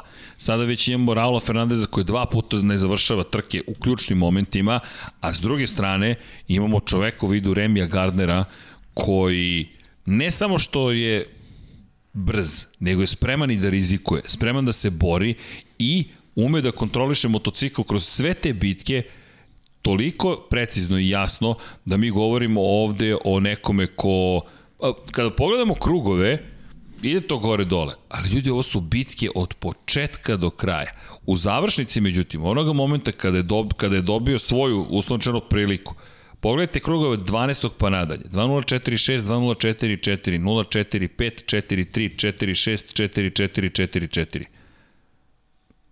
Kraj. Remy Gardner, 44 poena trenutno ima prednost i još jedna pobjeda, još jedna nezavršena trka Raula Fernandeza. Marko Beceki je dao sve od sebe. Deki dao je pa, u ovom trenutku, ako neko može da ugrozi Remija Gardnera, to je Marko Beceki. Ja bih se usudio to da kažem. Jedina dvojica vozača koji su osvajali bodove na svim trkama ove sezone su njih dvojica. I Marko Beceki sada na samo 8 poena od Raula Fernandeza. Da. Marko Beceki je tu, ali opet i sve to što je učinio Marko Beceki nije bilo dovoljno za Remy Gardnera ono što je meni fascinantno je u tim bitkama koliko je precizan Remy Gardner. Tu nema isklizavanja, nema, ne, ne beži točak. To je jednostavno Beceki se vraća na poziciju u direktnom duelu, ali kontrola koju ima Remy Gardner nad situacijom je meni fascinantna. Da ti toliko budeš siguran u svoj motor, u svoje sposobnosti, u gume. Pa, to je još jedan Gardner. I, tako je, još jedan Gardner, bukvalno. I Ko može da pogleda tatine trke, Uff tata je Dobro, bio. mislim, drugi su Drugo, to motocikli da. bili, ne, okay, ali, da, ali, ali, ali, to je to, to je to. Ako, I treba da se pogleda, bukvalno treba da se pogleda. Ti kada pogledaš, zapravo, jeste, tata je taj koji, ko, to je jedna posebna generacija. 1987. u jednom vrlo ozbiljno konkurentnom takmičenju Wayne Gardner je odneo titulu i doneo Australiji prvu titulu u šampionatu sveta u najjačoj kategoriji. A, ali ovde Remi to je to. Ako se vratimo, Vanja još jednom izvini na krugove, Remi je bio peti na početku. E, to je bitka na početku, pa je skočio na treći, pa treći, pa drugi, pa prvi, pa onda je to, razmenjivanje udaraca, dok se nije oslobodio u 12. krugu. I kako je u 12. krugu uspeo da izbije na čelo, tu je bio kraj. To je zaista bio kraj i fenomenalna vožnja. Ja ovo smatram njegovom za sada najboljom vožnjom, a još nije kraj sezone. I ono što me oduševljava jeste da je uspeo posle dve teške trke na Red Bull ringu i ne tako dobrih, niti kvalifikacije, niti slobodnih treninga u trci ponovo da bude na, na, na, na onom mestu na kojem šampion mora da bude. Raul Fernandez s druge strane sada već počinje previše da ide gore dole. To je previše gore dole, tako se titule pa, za borbu, da, upravo to. Ako želiš da budeš u borbi za titulu, oscilacije ne, ne, ne dolaze toliko u obzir. Ne može. To smo prvi primjer ove godine Sam Lowe's.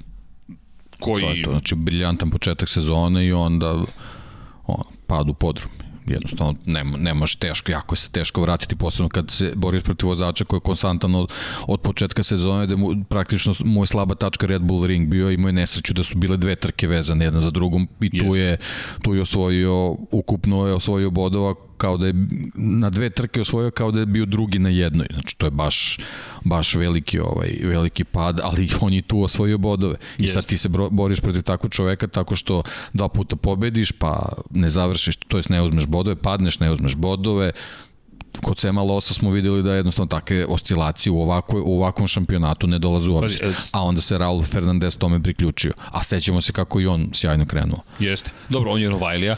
Da, to... da, sve okej, okay, sve okej. Okay. Mislim, nije ovo prebacivanje, ne, nego jednostavno kad si u borbi za titulu nema, nema oscilacije, ali je sjajan je vozač, sve, Jeste. sve okej. Okay. Ovo je samo bitno da, da njemu toliko samopouzdanje se ne, ne, a, ne uzdrma. A Gardner ozbiljno je krenuo da udara po da. samopouzdanju da, da, da, svojim vožnjama da, da, i načinom to je to, tako se, tako se lome rivali. To je, Bukvalno to je to. lomi rivali, ali ja imam utisak da je sada plan slomiti rivali. Ovaj pad Raula Fernandeza čisto zbog forsiranja. Jeste. Jednostavno to. On morao nekako da uhvati priključak, a ne ide imam utisak bukvalno kada je uzeo Njemu Čekić. deseto mesto ne znači ništa. Praktično, bukvalno mu ne znači ništa.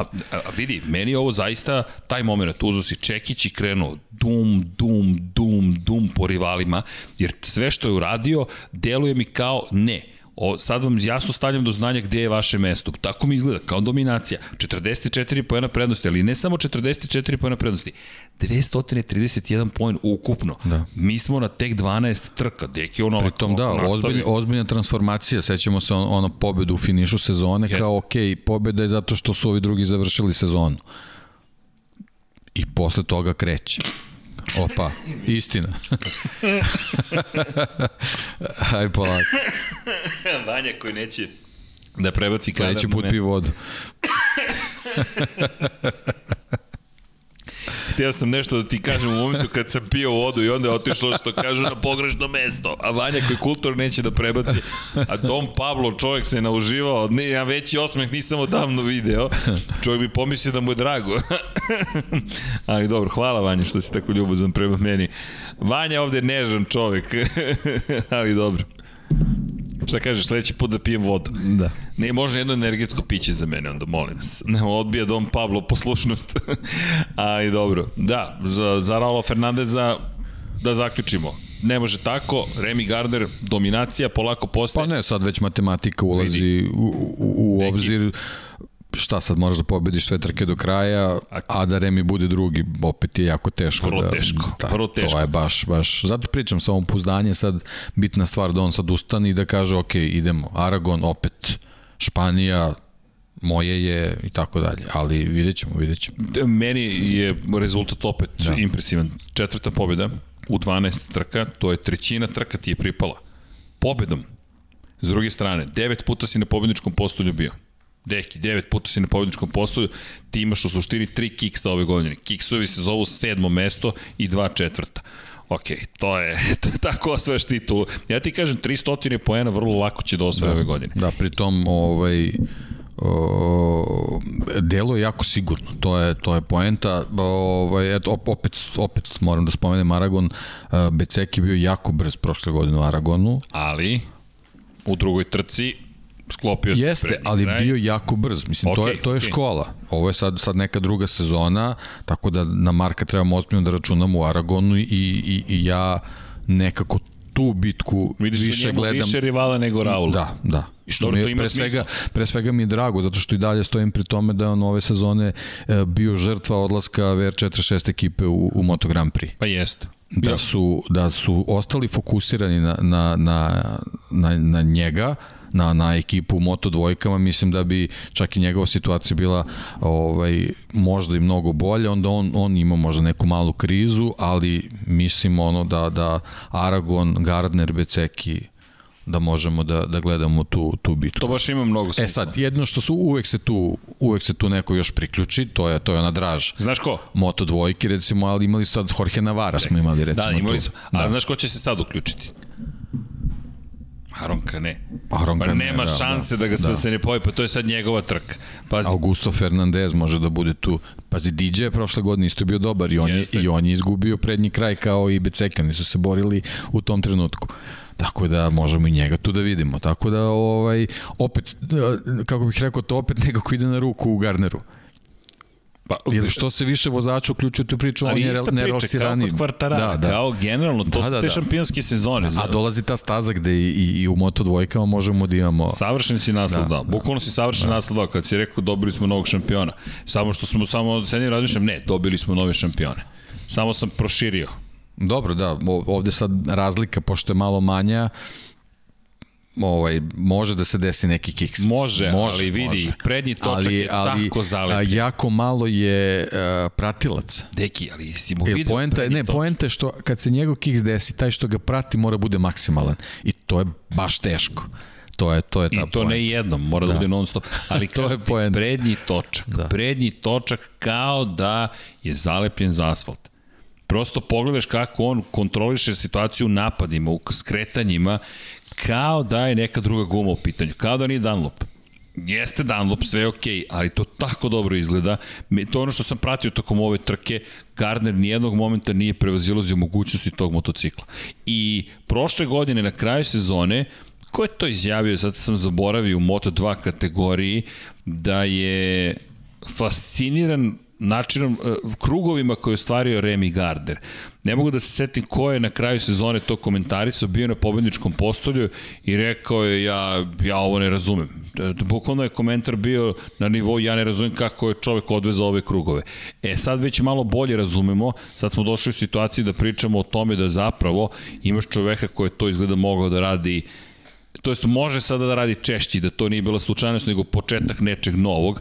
Moram da se da moram da pogledam ponovo te izjave po, po završetku trke, ali znam da je oduševljenje bilo Gardnerovim krugovima da je komentar bio wow, wow, Da, i, i opet ona situacija kao iz Moto Grand Prix, tempo mi slomio ostale, nije bilo karavana. Znači ovde jednostavno nije bilo vozića gde bi u nekoj trenuci, tre, u nekom trenutku u, finišu trke mogli da očekujemo neki napad. Jednostavno ne, ne. tempom slomiš rivala i, to, i tu završiš priču, to je to. Je to. Da, samo Beceki da ne odustaje. Da, old school. Da, jer Beceki da, da. trenutno ima, po, postolje nije na postolju, postolje nije na postolju, postolje nije na postolju, pa samo Aragon. Ali kažem, poenta je ovaj, bodovi na svim trkama, to je, to je velika stvar.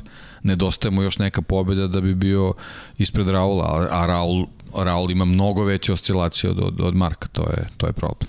Da, ostali kada je reč o Kaneu, sedma pozicija, Augusto Fernandez na šestom mestu. Ja sam od Augusto, Augusto očekivao ovaj, Isto, više. Više. više. Više, ali niko nije Ali nije, nije jednostavno, tempo je bio takav, ne, ne. slomio ih, jer ti kad pogledamo, Augusto je bio šesti sa 7 sekundi za ostatka, nije to ništa strašno, ali jednostavno Remi je baš onako klasu odveza. Jeste, i Diđa pohvalno je da je najzad među vodećih pet. Da, on je nekako od trenutka kad je potpisao taj ugovor, ne, nešto se tu desilo, ovaj, ne, ne znam, mislim, mora, mora, mora to mnogo bolje. Da, i pohvale za Aja Guru, tradicionalno. Da, on je, on je već tu, da. Osma pozicija u da, šampionatu, da. od deveti je bio na trci, ali sve Sled, to. Sledeća okay. godina ozbiljan kandidat za titul ako, ako nastavi ovako. Da, A ja da verujem da, da će, imaće podršku ekipe. Tako Samo da, pobjeda. Samo da, ta pobjeda da. da se desi, da on tu, ali bi bilo dobro za Aja Guru ove godine da zabeleži pobedu. Kao Remi, da pobedi ili da padne u formi, jer sledeća trka kod Aja Guru obično je loše do one prethodne i da onda bude spreman za sledeću sezonu. Tako mi deluje. To, to, to su već neka gotovo nepisana pravila u svetu sportu, u svetu motociklizma svakako. Inače, e da, Marcel Schrotter, samo da ga spomenem, jedini čovjek koji vozi kaznu dugog kruga i to ne zato što je kažnjen u trci, već zato što je kažnjen tokom treninga. Nijednu kaznu dugog kruga, niti u Moto Grand Prix, niti u Moto trkama, pa niti u Moto dvojkama tokom trke. Šta god to značilo. Pa, da, da. Eto, I ona bizarna pol su, pozicija, čekaj. da, možda su ovaj, neke prethodne kazne sad kao malo doprinile da su disciplinovani, a možda jednostavno konfiguracija staze, staze takva da nije bilo rizičnih situacija. Dovoljno je široka. Mizano će biti da, pravi da, test. Da, da, Mizano, da, da, da, to je taj osmeh. To je to, to je to, da. da, Mizano će biti da. test. Ali i, moramo da spomenem, honorable mention, Jorge Martin i najbrži krug ikada skratio čovjek krivinu. Priznaj da si se zbunio. Vidi, ja sam vrteo film i ovako gledam, i namišljam sekund i po sektoru 2. I onda imaš onaj moment, znaš i sam, da li da kažem da je ovo potencijalno najbolji krug ikada? Bolje da kažem, nema šanse da je ovo. A kako smijem da kažem da nema šanse? Šta sad vređam čoveka koji upravo možda vozi najbrži krug ikada? A šta ako jeste skratio stazu, kao što se na kraju ispostavio da ste, pa sad krenem ovde da ga hvalim, a to će da bude obrisano za 10 sekundi. Ok, deluje, onda, i onda sam mi otvoreno rekao, ljudi, ja sam trenutno zbunjen, ovo u životu nisam vidio i zaista nisam vidio u životu. I rekao, ok, ali onda gledaš, pa nemoguće da direkcija trke nije videla da je skratio stazu, ali koliko se automatizacija ponekad pretvori u, u, u, u jedan retrogradni proces I onda, pošto automat nije rekao, to je cenzori nisu rekli da je skratio stazu, nije skratio stazu, on čovjek ima pol poziciju. I ti sada veruješ tome što si dobio od informacije i pričaš, ok, najbrži krug ikada, nismo ga videli, ok, očigledno ga niko nije video.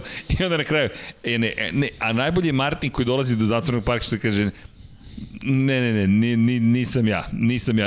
Ja sam to pogrešno protumačio, čovjek je rekao ne. Ne, ali vidiš, to je problem kad se uključe automatizacija i sudije počinju da, da bivaju opušteni. Jeste. Od sudije mora da prijavi to. Od sudija i neko je morao da odmah to vidi, a ne da čeka u svetskom prvenstvu. Da. Deki, nije to bilo koji Pri šampionat. Ga zovu ga u zatvornom parku. Zatvore zovu ga da mu dodelu pol poziciju i, i, uz, i uz apsolutni rekord staze, to su grafike, najbrži krug ikada, oboran rekord star dve godine Marka Markeza. I ako što mislim, još sam izgovorio, 1.58.9 smo do, i rekao, opa, pa 1.58 nećemo ni videti. 1.58.0, e, okej. Okay. Kud ovo izgovorio? Govorih, ali jeste mi zbunio. Jeste mi zbunio, bio sam prilično siguran da je skratio stazu, ali kao, okej, okay, ako oni kažu da nije, nije, dobro. Ali Juri je zapravo da uhvati, za, ne zavetrano, da da prati drugi vozač. Do svak slučaju nije pripalo pol pozicija. Viš, pomisli, zamisli treća pol pozicija za redom za Jorge, ali četvrti start od neke, pričamo o tome da Ducati ne skreće, u njegovim rukama skreće u njegovim rukama skreće, šta god da radi i ako on bude izgovorio da je i on pratio kako je vozio Jorge Lorenzo, ne znam šta da pro, ne znam kako da prokomentarišemo. Fabio Quartararo je učio od Jorge Lorenza, ako i Martin uči od Jorge Lorenza na osnovu njegovih snimaka, problemi. I onda nije čudo što je Rossi rekao nisam zaslužio da dobijem rivala poput Jorge Lorenzo u Yamahi posle svega što sam učinio za Yamahu. Ali Yamaha je u tom trenutku mislila da će Rossi uskoro u penziju. I si gledao možda intervju iz 2018. Giselle Bunchen, e, supruga Toma Brady-a, to je uspešna supermodel, manekinka, preduzetnica i tako dalje, bogatija od Toma Brady, najuspešnijeg quarterbacka i igrača američkog futbola svih vremena. 2018 čovjek inače za onih koji ne znaju još uvek igra, sprema se sada da brani titulu narednog vikenda počinje. Novo kolo, nova liga, izvinite, nova sezona kreće, fu, 17 utakmica ove sezone, plus naravno playoff, pratite 99 yardi, udrite subscribe, dobijat ćete informaciju o 99 yardi, udrite like zato što je to tako lepo i mi se toplo osjećamo, ali činjenica, o Vanja se ovde smeje već, da je izjavila kako je, kada je upoznala Brady-a 2006. rekao, pa ja ću se ovim baviti još 10 godina i to je to. I onda ovako sedi 15 godina kasnije, on, on brani titulu čovek. E, isto tako otprilike Yamaha razmišljao 2008. Pa Rossi još 2, 3, možda 5 ako izvuče. Čekajte drugari, vozit će taj do 42. Da im je neko rekao da će voziti do 42 ne bi mu verovali. Potpisujemo da mu ne bi verovali. Tako da to bio neki logičan potez, ali mi je to isto zanimljiva bila izjava. Kaže čovek, još 10 godina I onda je rekla da, ali makar sam shvatila da je njegova glavna ljubav američki futbol. Eto. I sad je teši, kao još samo par godina. još samo par godina za uvek. Elem, vratili smo se mi na MotoGP, odnosno i na NFL. Moto trojke, deki, potpuno drugačija trka od bilo koje koje smo očekivali, da, da smo rekli da Romano Fenati će doći Silverstone i izdominirati, zabeležiti prvu pobedu ove sezone, 13. u karijeri, Husqvarni doneti ozbiljan triumf, Husqvarna dobiti dve godine produženja ugovora s Max Racingom, nisam siguran da bismo tako isplanirali, ali šta si rekao prošlog nedelje, nemojte očekivati 15 vozača u grupi. I kao što si i najavio. Jedan čovek se izdvojio, pobegao, 2, 10 zapeta, o, 6 je vozio u, u, u slobodnom treningu, besmislen krug. Inače, samo da pohvalim Moto dvojke njihovi krugovi u kvalifikacijama su bili na nivou nekih vozača iz MotoGP, a u jednom trenutku, samo da budemo jasni koliko pa, evo, sad smo videli Gardnerove, oni su oni 3 sekunde spori od, od, od Moto Grand Prix vozača. Moto Grand Prix. Tako da njegov prelazak u Moto Grand Prix, to je to. Njemu neće biti nova ta brzina ubrzanje, kočenje. Ne, Moto okay. dvojke su meni stvarno ove sezone ozbiljno dobri motocikli. I žao mi je što neki vozači iz Moto Grand Prix-a prelazak u Moto dvojke gledaju kao degradaciju. Da, ali Iker Lekona ne želi da se vrati da. u Moto dvojke da se vrati u Moto dvojke. To je to je šteta što što su jednostavno te da. te niže kategorije ovaj tako tako pozicionirane. Da, sad su to samo stepenice. Da. Više da. nisu cenjeni šampionati sami za sebe, već stepenice do Moto Grand Prix klase što jeste velika šteta. I Jel kao, znaš, odlazak u Superbike, to je okej, okay, ali povratak u Moto2 je kao degradacija. Ne bih ja to baš tako gledao, ja ali tako dobro, to okay. njihove su karijere, Naravno. oni najbolje znaju. Znači, verovatno je taj odlazak u Superbike u stvari bežanje iz tog sveta, pritiska koji, koji donosi Moto Grand Prix šampionat. Nekako je drugačije kad si tamo.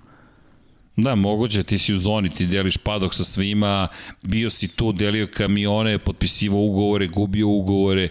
Lekone rekao da neće biti ni probni vozač. Niti probni u Moto Grand Prix, niti vozač Moto 2 klase. Ne okay, želi to. To je, to je izbor, mislim, to naš može da se komentariš pravo. ovako, ovako, ali to je apsolutno njegova odluka i to je to, treba poštovati tako. I poštujemo, zaista poštujemo. Nje, bukvalno njegov izbor ali činjenica da je meni žao, te, ja patim za malo tim vremenima kada su, kada se znalo, dolaze 250-ice, ti znaš da ćeš gledati eksperte za kategoriju 250 kubika.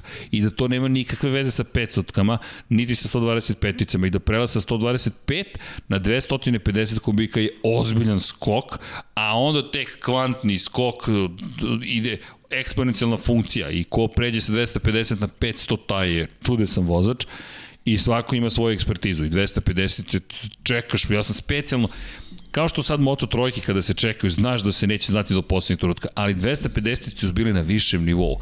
Zašto? Zato što je uvek postojala ekipa tako dobrih vozača, trojica, četvorica, nije to 15, pa sad neko će, ne, ne, ne, zna se ko su četiri najbolje vozača sveta.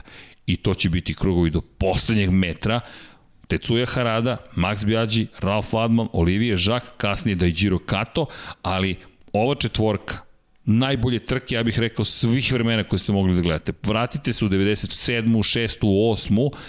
i pogledajte ukoliko možete negde da pronađete trke 250 kubika, ljudi, nećete znati do poslednjeg momenta ko će da pobedi. Aprilia protiv Honda, dva velika proizvođača, to su, to su, to je bilo bukvalno šaketanje i Yamaha koja se pojavila sa Žakom i Nakanom u jednom momentu, tako je Tech 3 i započeo kao Chesterfield, čuveni i, i, i moment u kojem RV Poncharal uvodi jednu novu ekipu i Yamaha koja proizvodi 250-ice i to isto nešto što nedostaje, ali okej, okay da, da ne odem predaleko u prošlost, samo pogledajte to obavezno. I da, da, da dođemo do kategorije koja, eto, da se vratimo u njoj Romano Fenati, Deki, 69 pojena zaostaje za Pedro Makosnu koji je vodeći dalje u šampionatu sveta. 23 za Sergio Garcia, a Kosta 46 pojena prednosti u odnosu na Garcia, za 5 pojena je povećao prednost, bez bodova ostao Garcia, 5 pojena za Kostu, 11. mesto, Fenati 25 bodova, za 20 je smanjio. U kvalifikacijama smo videli i da Pedro Acosta i Sergio Garcia ne mogu da se probiju u Q2 deo kvalifikacija i jedan u drugi prosečni.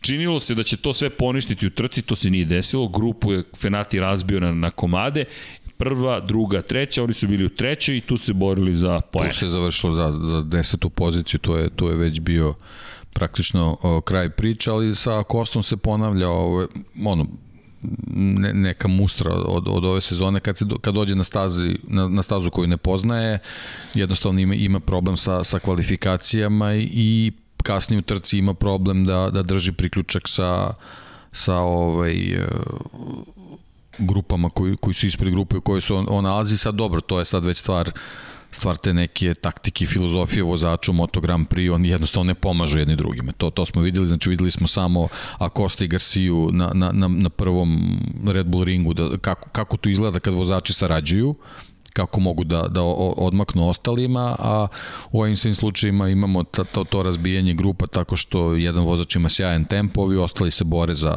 za svoje trenutne pozicije i tu se praktično borba za prvo mesto i, i, i završava. Ako ste ponovo upao u taj problem, pre svega zahvaljujući a, vremenu kojem je potrebno da nauči stazu tokom treninga i kvalifikacije, onda, onda se, se gube dragoceni krugovi. Tako da to je to što se tiče Garcije, druga trka gde ne osvaja bodovi, to je već, već problem. To, ovaj, to smo pričali u u prethodne dve kategorije. Jednostavno, ako želiš da ostaneš u konkurenciji za, za titulu, moraš da osvajaš bodove na svakoj trci. Sad i u, i u Moto trojkama ispadne da, da je Fenati kao i, i Beceki u, u, u Moto dvojkama veći konkurent za titulu, iako prilično zaostaje samo zato što je konstantniji. I ima ovaj model kako kako da pobedi. Eto konačno je i to ovaj formirao tako da ovaj videćemo. Sad opet dolaze neke staze koje Kosta malo bolje poznaje, pa ćemo videti da li ova teorija pije već konkretno Aragon na kojem je milion puta verovatno vozio do sad. Videćemo kako se kako se i on i i KTM postavljaju u toj situaciji. Da, imamo situaciju koja Može da se zakomplikuje. Može da se komplikuje pre svega što Romano Fenati nije početnik.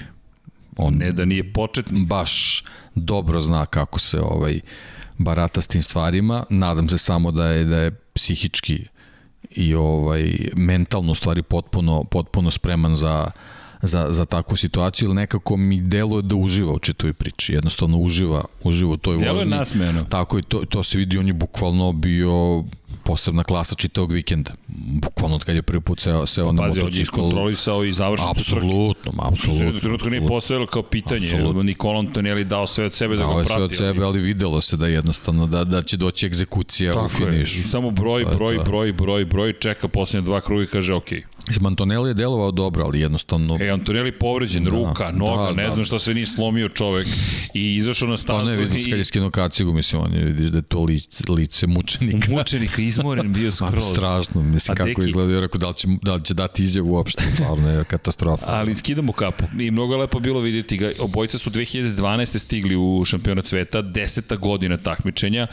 Antonelli nikad nije napustio Moto trojke, s druge strane Fenati u jednom momentu 2018. otišao u Moto 2 klasu, čuveni incident kada je bukvalno povukao prednju kočnicu Stefana Mancija na pravcu u Mizanu u trci Moto 2 klase, to su te žute minute i Romana Fenati, priča se da se potukao sa, sa Učijom, najboljim prijateljem Valentina Rosija, dok je vozio za ekipu Skyver 46, da su bacali stvari jedan na drugoga, u svakom slučaju otpušten pre trke red, na Red Bull ringu i nastavka sezone, dve godine pre toga, jedna vrlo onako vatrena karijera Romana Fenatija incidenti malo i na stazi znao da bude nezgodan. A inače, svojevremeno sa 16 godina se navodno potukao i sa policijom usled saobraćajnog prekršaja, pogrešnog parkiranja u sred Rima, tako da Romano ima tu jednu malu preku narav, ali s jedne strane odradio je kazne, u krajem slučaju ako imamo kazneni sistem, odradio si kaznu, bio si suspendovan, da, mogli su da ga suspenduju na više, to jest u momentima kada nije međusezona, ali okej, okay, snajper smo i dao priliku, vratio se, Husqvarna ga angažovali i nekako meni to bilo simpatično, loši momci su zajedno, znaš, Max Massimiliano Bjađi i Romano Fenati u istoj ekipi i onda Andreja Janonek dođe da ih poseti. Čekaj, to je najjača scena svih vremena, ipak to čak ni Kimi ne može Outlaws. da prevađa. Outlaws, bukvalno su, bukvalno stoji ekipa, Max Bjađi je šef, vozač je Romano Ferrati, savjetnik je Andreja Janone. Šta bi moglo da pođe naopako? Apsolutno ništa. Bžž. Ali činjenica je da je to jedan specifičan tim, ali Fenati nikad nasmejaniji. I kada su ga pitali si srećan, ne nisam, ja sam više od srećnog, Fenati nikad nije dao takve izjave, ali de, a 10 godina u šampionatu, a Kosta je tek stigao, prvenstvo produžio ugovor, samo da napomenem, trogodišnji ugovor je potpisao Kosta sa KTM-om, dve godine će biti u naredne dve godine u Moto dvojkama, tako bar kažu da piše u ugovoru, i 2024. odlazi u Moto Grand Prix klasu. Već sada je trasiran put, neće predskakati kategoriju, ali eto, znamo da ide u Moto dvojke i znamo da ima ugovor već za Moto Grand Prix kategoriju, što je malo drugačije odnosno od Jack Što je znak za ostale mlade špance se bore za Repsol Honda. Da, između ostalog.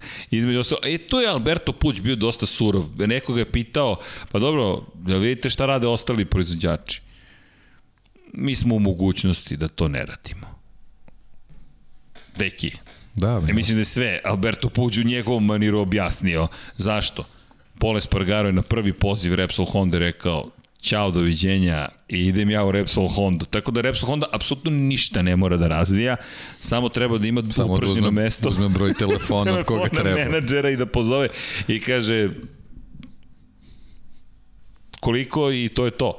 A ima mogućnosti Repsol Honda, tako da mislim da ne moraju previše da brinu i KTM, kada je reč o Raulu Fernandezu malo pre spomenutom u celoj toj drami epopeji, i dalje mislim da je ostavio otvorena vrata zapravo Raulu da ode u Repsol Honda. I mislim da su mu učinili uslugu zapravo, jer Paul ima ugovor za sledeću godinu, ne bi mogao Repsol Honda, ovako mora da bude jednu godinu u KTM-u, naučit će neke stvari, a već A su dobili sad već čoveka iz definitivno KTM. znamo da Jorge Martin neće, Neće. u Repsol Honda, dok je Mark Marquez tamo. Ne, ne, Iako su tu, ali... Da, ne, ne. da ne bi bilo, nisam zaslužio da dobijem ovakvog posle svega što sam uradio za Da. Hondu. Ili ti istorija zna, čudno istorija zna da se ponovi, ali slažem se s tobom, taj film se neće prikazivati, a drugo... Ko i, zna, možda... No, Mada Obrti sa Pućom, mogući. sa Albertom Pućom, da, da. nikad ništa se ne zna. Da, ali ja mislim, e da, to je isto što se tiče Markeza uz Akostu, uz Fernandeza, uz Martina, ne treba zaboraviti da stiže nova generacija. A dobri ste samo koliko i poslednja trka, što kažu. Ovo je surov sport. Marquez ukoliko ne bude imao rezultate, Honda će nastaviti. Honda je tražila zamjenu dok je imao rezultate sa Danijem nije uspelo, ajmo Jorge Lorenza da dovedemo. Nije uspelo. Ajmo sad da dovedemo Aleksa Markeza na zahtev Marka Markeza, ispoštovali smo. Ok, idemo dalje. Doveli smo Pola Espargara, ne uspeva za sada. Ko kaže što ti kaže da neće dovesti nekoga ko može to da izvede i kaže ok, ajmo da vidimo sad tebe.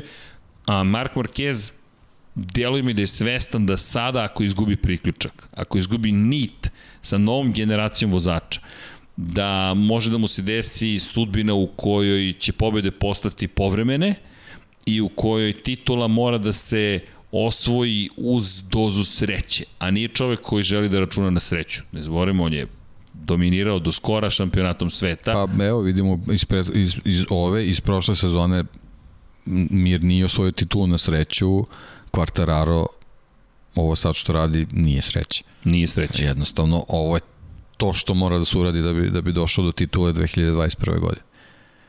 Tako da, I sreće tu, da, sreće tu, mislim, pričam uvek naravno da bi bio šampion, moraš da imaš taj faktor sreće, ali u ovoj konstelaciji Moto Grand Prix to je isključeno. Baš je isključeno, a pogledaj ugovore koji se potpisuju. Ti sada već Akostu, dakle imaš, na, imaš za Moto Grand Prix klasu.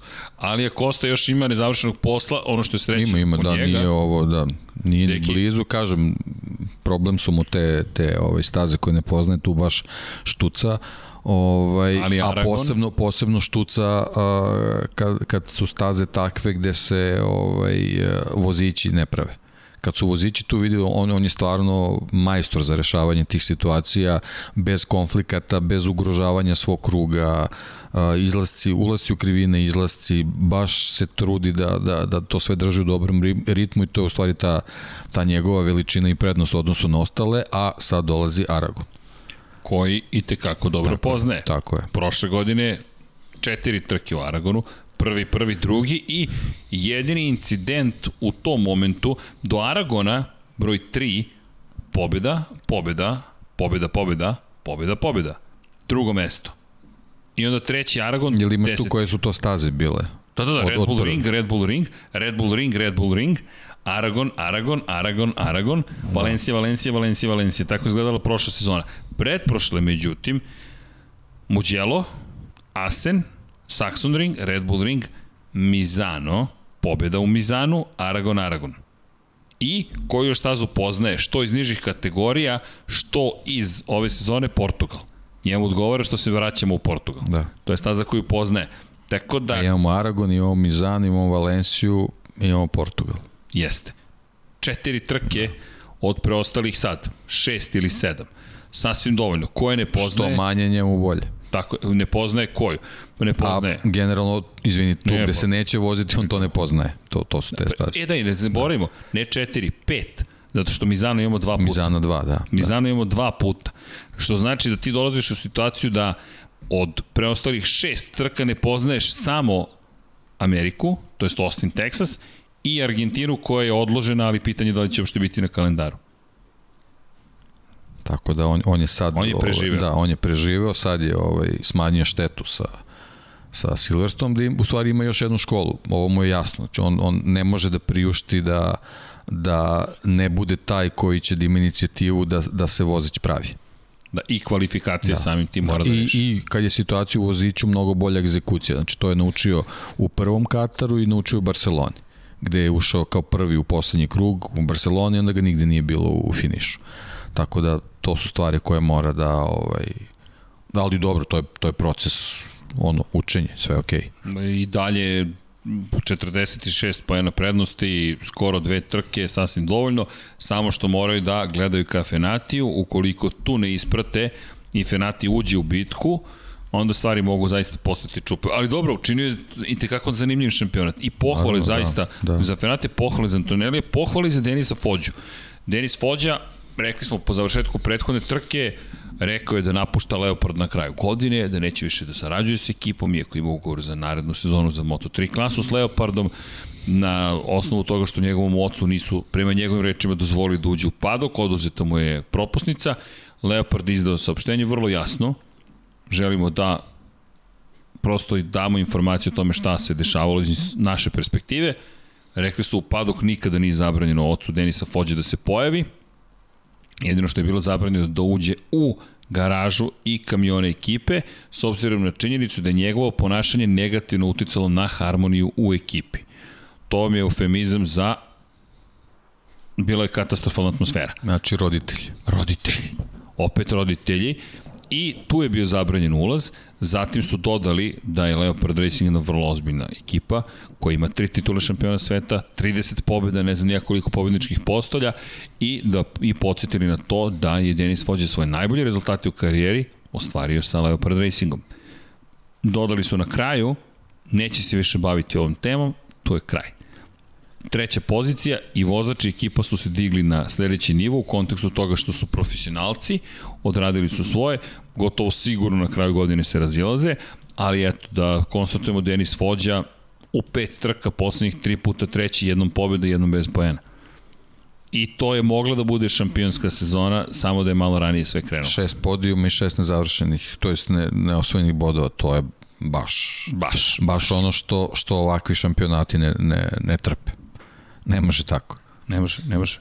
83 pojena za ostatka, u tih šest trka, ono čuveno, da si bio šesti. Sa po pet bodova, znači to je 30 bodova. To je da si 11. Već bi bio kod Fenati. A da si šesti, da osvojiš 10, da. ti si sa 60 u igri za titulu šampiona sveta. Da.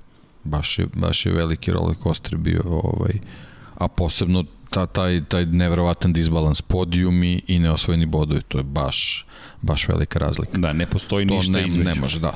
To, be, bez, bez te neke zlatne sredine jednostavno ne može da se funkcioniše u ovim šampionatima. Da, ali eto da ne zaboravimo prosto da je imao sjad da imao dobru trku i da je ekipa izdala saopštenje u kojem je, eto ja sam stavila do znanja kako šta se događalo iz njene perspektive, četvrto mesto za Izana Gevaru, najzad, Izan Givara je stigao sa Kostom i Čavi i Martigasom kao buduće generacije, ajde da kažemo, motociklizma i došli smo u to da u tu situaciju da prosto je zaboravljen usled uspeha Pedra Koste u donekli incidenata Čavi Artigasa na početku, ali ovo četvrto mesto samo potvrda da... Da, da, baš je onako ružno ovako pričati, umesto da za pohvale za, dakle, za taj rezultat, poredimo ga sa Kostom, to nije onako baš... E, to je, to je baš problem fair, da, da, nije baš fair, problem. Da. A ovo je dobra pozicija, ovo je Givare 12 super, šampionat. Prvo što je delovao jako dobro na, na, na trci. I Guevara sledeće godine Ja mislim da će on biti u borbi za titulu šampiona sveta. Zaista verujem u to. E, možda sam prosto subjektivan, pošto sam verovao da će Givara biti najbolji od ove trojice. Ti si lepo rekao, a Kosta. A Kosta još prošle godine i a Kosta odlazi, osvojio titulu ili ne. Prosto Acosta je završio svoje učešće u Moto3 šampionatu sveta, niti mislim da ima nešto novo da nauči. On je završio posao.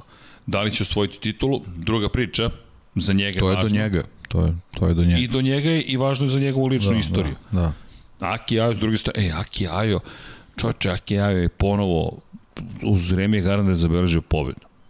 Aki Ajo ne, ne, ne, nezaustavljiva sila u Moto3 i Moto2 kategoriji. Ok, ovoga puta Jaume Masija šesti na 11. poziciji Pedro Costa, ali bez obzira, ja verujem da će se oni vratiti, a Remy Gardner onako ne odustaje od toga da samo beleži pobede koga bih još pohvalio, Tatsuki Suzuki. Šta sam ti rekao za Tatsuki Suzuki? Znao sam iz nekog razloga da će Tatsuki da ima dobru nemam predstavu uopšte gdje i zašto, nešto mi je govorilo da će Tatsuki Suzuki da, da bude dobar, ali kada je reč o Tatsuki Suzuki, meni jedna od najlepših stvari jeste, ne znam da li pratite Tami Gorali, damu koja prenosi, koja komentariše za TV5 izraelsku i piše dosta o Moto Grand Prix-u. Ispričala je fantastičnu priču za Tatsuki Suzuki-a i odnos koji ima sa, sa Paulom Simončelim, sa, sa ocem Marka Simončelija, Marko je prosto motiv bio da se formira taj tim. I Sić 58 ekipa ima jedno posebno značenje. Paolo Simoncelli sve tretira e, prosto kao decu, kao svoju decu i prema njenoj priči se je desilo da je Tatsuki došao da saopšti Paulu Simoncelli da napušta ekipu i nije znao kako da mu saopšti. Imao je knedlu u grlu u pokušaju da mu nešto prenese. Paolo je iskusan čovek i znao je šta pokušava da mu kaže Tatsuki, da raskida sa njim zapravo.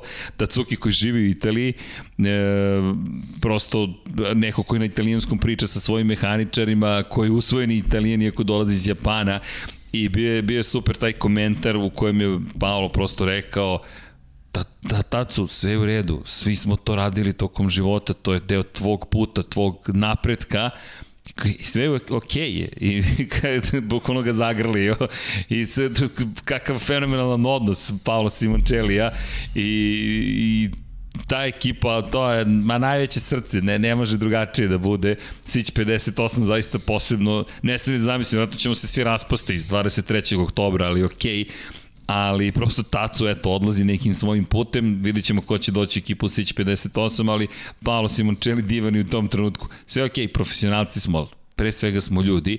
I rekao je, znali smo da ćemo imati jedan poseban projekat, projekat sa Tatsukim Suzukijem.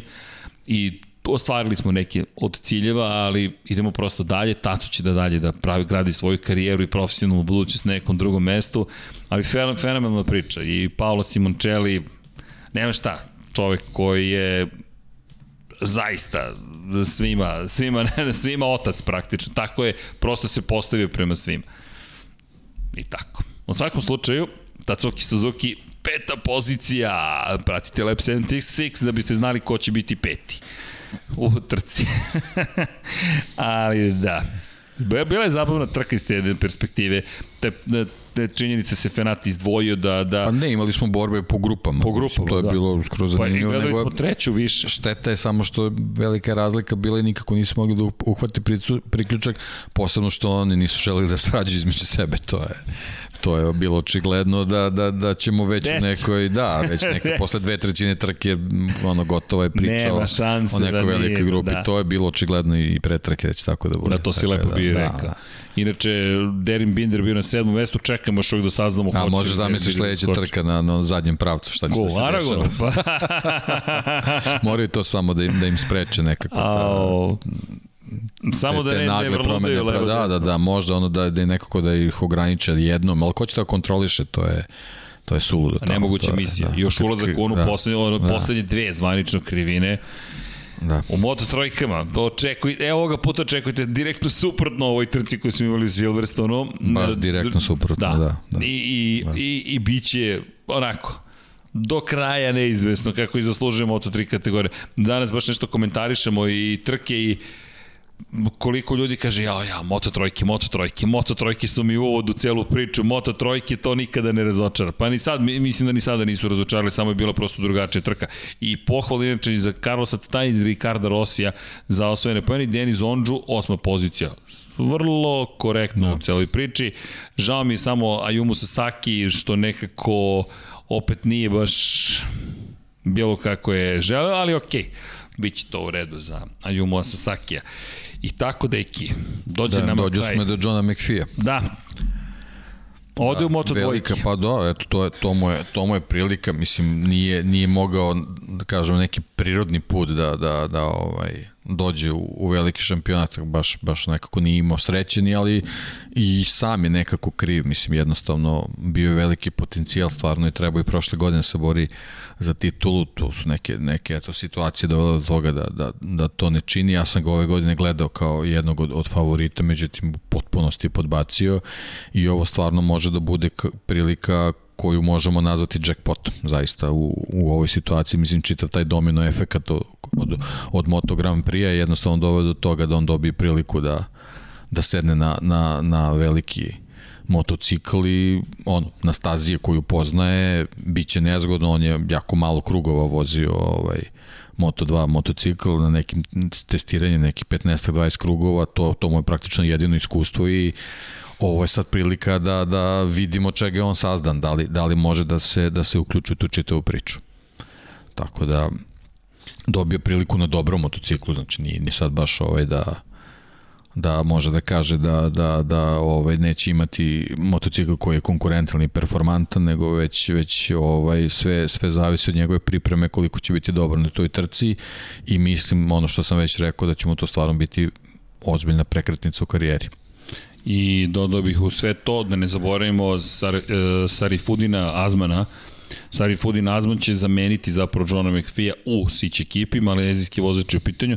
Inače, momak koji je godine zabeleži jednu pobedu u svetskom šampionatu i juniorskoj konkurenciji. Tako da će i to biti zanimljivo. A ovo za Johna McPhee ne, nemam šta da dodam. Jednostavno za Johna test. Pravi test. Da I ajde da ga vidimo. Šteta što nije se neko poklopilo da u Britaniji takođe imam vozi u Moto dvojkama, ali okej. Okay. Zna on i ovu stazu, tako da nije, nije problem. Da, inače kada govorimo Možda je čak stazi... i bolje zbog, zbog tih vozića bolje možda da budu ovde, da će malo više moći da prati tokom treninga i to da. čisto malo da, da, da, da se uvozu čitavu priču, ali e, mnogo je velika razlika ispada tako sa Moto trojke na Moto dvojke nego sa Moto dvojke jeste, na Moto Grand Prix. Ali jeste, pa, pa i, da, i, tako da. I zato ćemo, jeste oduševljenje Raulom da. Fernandezom toliko. Ovo je baš zahtevna kategorija moje makar oduševljenje, da dođeš kao debitant i onda se boriš za titulu. Ali dobro, John McPhee najzad je da uspeo da skoči u sledeću kategoriju. Prošle godine je na polovini sezone... Da sam John sezone... McPhee, ostao bi tamo u Silverstonu i, i zakupio bi jedan dan stazu za neki superbike i kreni. I, i kreni. kreni. Kreni da se navikavaš, da. Naravno, bit ćemo... Vidjet ćemo. Ne, ne, ba, baš, baš mi je onako ovaj, super što je dobio priliku i, i živo me zanima kako će uspeti da se prilagodi u čitavoj situaciji. Lepo. Ne, lepa nagrada, rekao bih. Ekipa se gasi. Da, slučajno, da, da, pa nezgodna je situacija, mislim, baš je onako, ovaj, on je već i po godinama završio priču vezano za, za trojke, realno. Lepo tako, je što da, mu daju šansu. Da. Zaista je lepo i kažem, prošle godine, polovini sezone je uradio dovoljno da dobije ugor za Moto2 kategoriju ove godine. Međutim, iako je bio među vodećima na vodeće tri pozicije u šampionatu sveta, nastavak sezone bio veoma loš, ekipa je odustala od prvobitnog dogovora, odlučila da zadrži Jakea Dixona u Moto2 klasi, verovala prosto Dixona, to se nije realizovalo u kontekstu uspešnosti ove sezone, prebacili su sada Dixona u Moto Grand Prix, Dixon se tamo našao za sada vrlo dobro i eto za Johna McPhee najzad prilike i lepo je što si rekao, baš je lepo da dobije ovu vrstu nagrade i konačno prilika da malo nauči, da se predstavi drugim ekipama i potencijalno nađe neki angažman, jer to je ozbiljan problem, mehaničari ostaju, inženjeri ostaju bez posla, vozači ostaju bez angažmana, vidjet ćemo da li će neka ekipa da uskoči umeđu vremenu, COVID je opet poremetio stvar. Pre dve godine da se ekipa gasi je bilo nezamislivo bukvalno nezamislivo, neko, bukvalno su otpustili su Kifer Racing koji je imao budžet Lukasa Tulovića pod ugovorom jer je bilo previše zainteresovanih timova za učešće u Moto2 klasi. Ali dobro, to je taj... To je taj timing.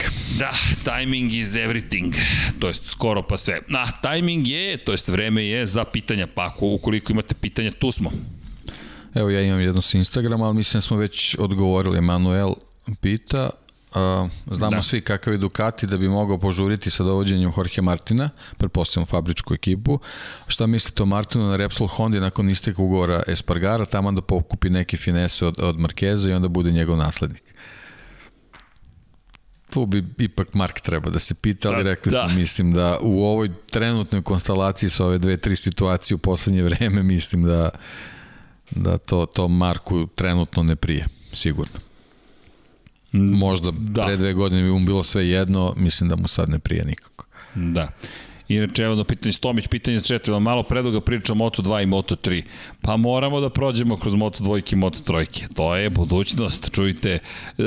Tek tu ima još priča koje čak nismo ni ubacili, ali... Nemojte ih nikad gledati kao niže kategorije to, samo. To su, to su šampionati za sebe. Tako je, tako je, tako je, tako je. Srki, zašto Marquez ne dobije nikakve kazne za bacanje drugih voznača po na koji put? I dva, da li očekujete bolje rezultate dobije Mahni nego što ih trenutno ima Rossi? Pa, zašto ne dobije kazne za izbacivanje? Ha, pa, to sa, ova izbacivanja, izbacivanja, ovi kontakti su svi prvi krug. Prvi krug inače u trkanju se posmetra malo drugačije. Malo se drugačije gleda da taj prvi krug jeste drug, specifičan je. Jednostavno tu se zaista borite za svaki pedalj, ali nijednog momenta nije prešao granicu prihvatljivog po samim, ne, ne mogu kažem čak da po nekim principima trkanja, nije čak ni njegova reputacija toliko u pitanju, da, i da li je incidentan u poslednje vreme, incidentan i za sebe i za druge, ali još uvek nije prešao granicu prosto ukoliko se desi sada i treći put, da, da, nije izbacio prošle put Espargara, bio je kontakt između njih, ali ga nije izbacio. Sad, da li će se nešto promeniti? Možda ima taj, te prerogative svetskog šampiona, pa mu je možda se zbog toga gleda kroz prste na neki način, ali to svugde u sportu, u svakom sportu postoji, prosto to vam je, ne kažem da je to ispravno, samo da se razumemo, ali prosto postoji kada nešto uradi Mark Marquez drugačiji nego kad uradi neko nov. Isto važi za sve velike šampione, ali to je samo pretpostavka, zaista ne znam. A što se tiče Dovija, pa nije nemoguće. Nije nemoguće. Dovi je 7 godina mlađi. Ako pričamo o godinama, ako pričamo o refleksima, ako je to desetinka po krugu, pa eto već već je tu bolji. Srki, čitaj Patreon, Mario Vidović, hoćemo. Evo, evo, evo, signaliziraju mi ovde. Pozdrav, ajde deki, lupi šakom o stoj, reci Srki sutra specijalo Jorge Lorenzo. Veliki ne možemo pozdrav, sutra Srki u studiju. Ali 99 da. yardi, pazi. Pa to je to, da, da. I da se ne zaboravi na prvih šest pozicija, šest različitih proizvođača motora. Tako, Tako je, Mario. da, bravo. Da, to, to ne samo da zaboravimo. Da, To je prvi put 1972. i velike nagrade Jugoslavije. Fascinantno. To ne smemo da zaboravimo. Da zaboravimo. to. Tako je. Evo i Mario Vidović i da se ne zaboravi. Da, to je fenomenalno, to je mnogo lepo bilo. Kad pogledaš šest proizvođača imaš. Yamaha prođe prvo kroz cilj, pa prođe Suzuki kroz cilj, pa prođe April, prođe Aprilia kroz cilj, pa prođe Honda kroz cilj, pa ne, Honda je bila peta, izvinjavam se, prođe Ducati kroz cilj, pa Honda i onda KTM, Brad Binder na KTM-u, jeste fenomen. To je veličina Dorne i Moto Grand Prix. Jeste. Ako su nešto ovaj, stvarno super uradili vezano za takmičenje, to je to da imaš toliki broj različitih proizvođača, to je sjajno. U šampionatu koji nije jeftin Koji ne da nije jeftin. Moto Grand Prix je mnogo jeftiniji od Formula 1, ali ali dovesti to na ovaj nivo stvarno, stvarno veliko dostignuće. Inače, evo jedno pitanje još sa Patreona, to je da konstatacija. Đorđe Radović, pozdrav ekipi, hvala na odgovor na mogućnosti da pitamo šta god poželimo. Nije pitanje, ali pala mi na pamet jedna zanimljivost. Možda neki ljudi ne znaju trenutno. Zaštit, trenutni zaštitni znak za Krapović Auspojhe je radio naš Slavimir Futro još samo Brđe, to je naš dragi dizajner, i ja da se proguramo i to je to. Đorđe, samo dizajnerajte nešto, šaljite pa da vidimo kako to izgleda. Evo, napravite novi logotip za 99 yardi. NPR, Lab 76, to se neće menjati, to se ne radi, tako da to će ostati zakucano, pa će ostati zakucano. Dobar podcast večeras, nisam ništa ni manje očekivao svaka čast. Hvala, to je Hvala. za ono je od utorka, a ovaj večeras, evo šalju mi ovde signale, čitaj srđane, čitaj, evo čitam samo da vidim šta još treba. I, i isto njegovo pitanje aha dobro izvinite ja sad čitam ovako gde je pitanje gde je pitanje? Ne mogu da nađem pitanje. Pitanje gde je pitanje? Nestalo su mi pitanje može ponovo to pitanje molim vas dragi kolega. Ali dobro pročitat ćemo ovde mi se smeju. Zašto mi se smete? Pa ja sam samo jedan iskren čovek Dobro, brat mi javlja da PS4 na 4K hoće da poleti neverovatna buka. Brate, kupi PS5. Eto, to je jedini pametan moment koji mogu da... Inače, Brđe je dobio PS5, tako da eto. I da, inače, za one koji ne znaju, uh, Slavimir Futro, Slavimir Stojanović u pitanju, naš čuveni dizajner, i čovek koji, eto, nisam ni ja znao, moram ti priznati za Krapovića da je, da je radio, ali da, Eto, to isto zanimljivo, uradio je čuveni logotip koji se sad nalazi. Eto, prilike da gostuje u Lapu 76. Bravo, Dene, Dene potkonjače, otkrivaš polako šta smo spremili za jesen. Za jesen se sprema jedno kuvano leto zvano jesen. Šalimo se, imamo samo e, leto i zimu i ovde je opet neka situacija, da vidim pitanja. E, pitanje je, imam jedno pitanje vezano za Moto GP. Koja tečnost se nalazi u posudi iznad pored upravljača koja se vidi sa kamere koja prikazuje vozača i zašto je ta posuda najčešće obavljenja nečem što leči na znojnicu? Da biste rakšali razumeli čemu pričam, slika na niko, ne razumijem se tehnikali, tako da se izvinjam, ukoliko već svi znaju odgovor na pitanje ili ako je pitanje već postavljeno. Pa hvala Đorđe, veliki pozdrav od cijele ekipe. Što se tiče posude, radi se o kočenom ulju zapravo, tako da je to rezervoar ulja kočiorog. Kada je reč o znojnicama, to je jedna od onih enigmi zašto ljudi, zašto vozači izbace nogu kada skreću u krivinu, kažu ravnoteža, ali znojnica navodno ima, ima mnogo funkcija koje su, ima raznih priča. Ajmo da krenemo od nečega što je najrealističnije, ali moram da kažem da nikad nisam pitao vozače konkretno ili tehničare u MotoGP-u zašto držite znojnicu jedna teorija... Da im ne skreće pažnju, pošto se tamo pomera nivo neki. Možda.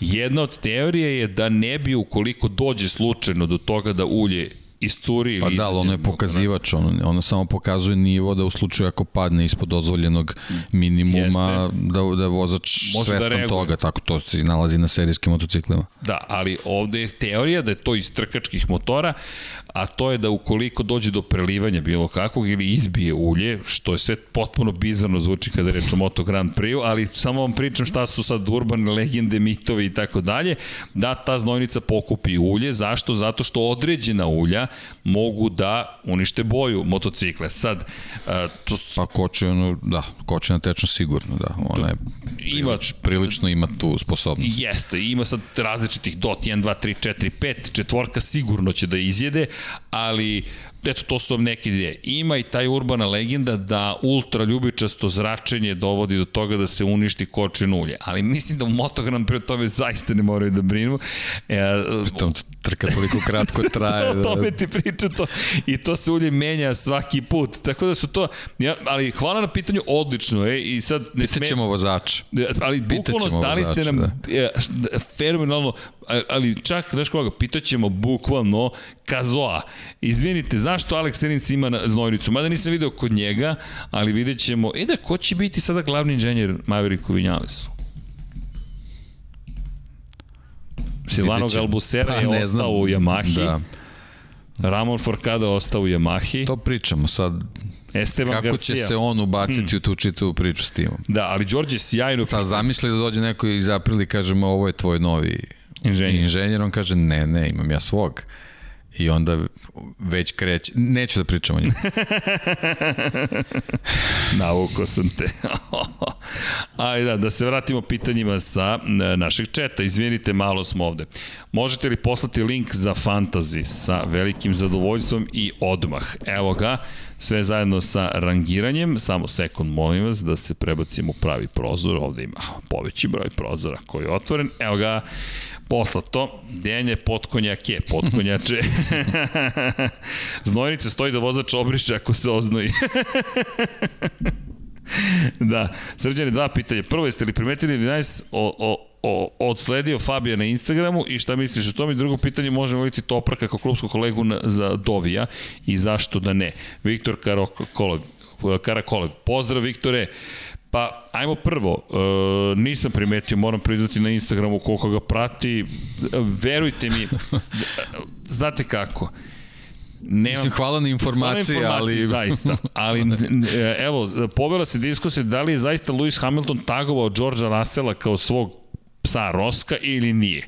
Pa da li je to fotomontaža ili nije. I sad, s jedne strane razumem društvene mreže. Mislim da su s jedne strane veličanstvena stvar koja nam je omogućila, omogućila da se povežemo kao nikada ranije. S druge strane, njihova zloupotreba dolazi da, do, do, dolazimo do nivoa kao kroz špijunku da gledam komšiju cijelog dana šta radi i, i da, da, da zapravo su, su počele tolike količine informacija da se plasiraju da možda ništa ni ne znači. Možda je rekao, e Fabio, više nismo drugari. A možda je rekao, sad ću da trolujem sve ljude koji prate moj Instagram i sad ću da otpratim Fabija Kvartarara. A možda je stvarno ljut, a možda i. A možda... Svakom čast ako ima toliko vremena da se bavi. Da, možda je njegov admin rekao, ok, nećemo više da pratimo Fabija Kvartarara. Ne, ne znam, znate kako, trudimo se da ne pratimo žene, momke, decu, uh, ljubavnice, ljubavnike, koga god, Vi šta ako god da pratite, ako postoji. imate dobar info, slobodno, podelite, Podelite s nama, hvala da, vam. Da. Prosto fokus nam je negde na stazi i, i baš se trudimo oko toga. E, ali, ali je, vi ste u pravu, to je vredi pratiti. Tu dođe dosta dobrih informacija u tim ko, koga, koga A dobro, prati, da, ne prati. ovo je kao da... Znaš, evo sad najnovija priča. Devojka Alex Albona je zapratila Williams večeras. I jedini tim Formula 1 koji prati na društvenim mrežama je Williams. eto, Eto, može nešto dobar da insight. znači, da. To je, I sad ima šala. Kad kažeš devojci, nemoj nikom da kažeš. Važi, neću. Samo ću da zapam. Ili kad kažeš momku, nemoj nikom da kažeš. Ona od izbrblje svima. Potpuno je sve. Ali, uh, Viktore, to ne znam. E sad, Toprak, pa, Zaslužio je. Jeste. Zaslužio je, Jeste. zaslužio je šansu svoju naravno, ali pričali smo, tu je jednostavno igra oko sponzorstava. jeste, jeste. To je, znači njega, njega neko mora da dovede I jeste. u priču. Ali, Eto, to ali, ali šta se zanimljivo otvara, sad šta se zanimljivo otvara. Ko je jedan od glavnih ličnih sponzora Andreja Dovicioza. Ako pogledate ko je snimio film o Andrej Doviciozu, to je Red Bull. Red Bull je Undaunted snimio, producirao samo za, samo za, prostite, za Andreja Dovicioza. Andreja Doviciozo trenutno vozi Yamahu u, u, u motokrosu, ali Red Bull glavni sponsor. Kaciga je Red Bull, Red Bull, Red Bull. Motocikl Red Bull. Mene živo zanima u Mizanu kako će to da izgleda. Ko će da bude na tom motociklu i kako će to da izgleda. Monster je potpisao ugovor sa Suzuki, Monster je glavni sponsor ekipe, fabričke ekipe Yamahe. Da li da može da dovede Red Bull čak u redove nove ekipe, jer nemojmo zaboraviti, Petronas izlazi, Sepang Racing Team sada mora da nađe potpuno novu prosto grupu ljudi sa kojima će da sarađuje. Ukoliko može da privoli Red Bull da ga podrži, to je, to je ozbiljna igranka, a za Red Bull to je sjajna situacija. Zamislite vi upadate direktno u dvorište Monstera. Direktno ste ušli u dvorište i rekli, ok, evo Red Bulla. Ja ne kažem, ja nemam pojma, ali me živo zanima do ne, čisto kako će da po, da izgleda. Po, povlačimo neke paralele da vidimo šta bi šta to moglo da bude. Šta će se desiti? E sad, ako dođe do Viciozo, zajedno sa Red Bullom u Mizanu. Kao što smo znali, izvini, u onoj situaciji kad je Rossi imao koronu, da ga neće menjati Toprak. Sigurno, to smo znali. ne može Red Bullov vozač da dođe je. da menja Monsterovog vozača, nema tako teorije, ali ukoliko Doviciozo sa Red Bullom stigne u ekipu Sepang Racing tima, to onda otvara vrata i Topraku. Tako da, ko zna, za sledeću godinu sumnjam, mislim da mnogo zavisi od ovogodišnje bitke, ono što smo pričali.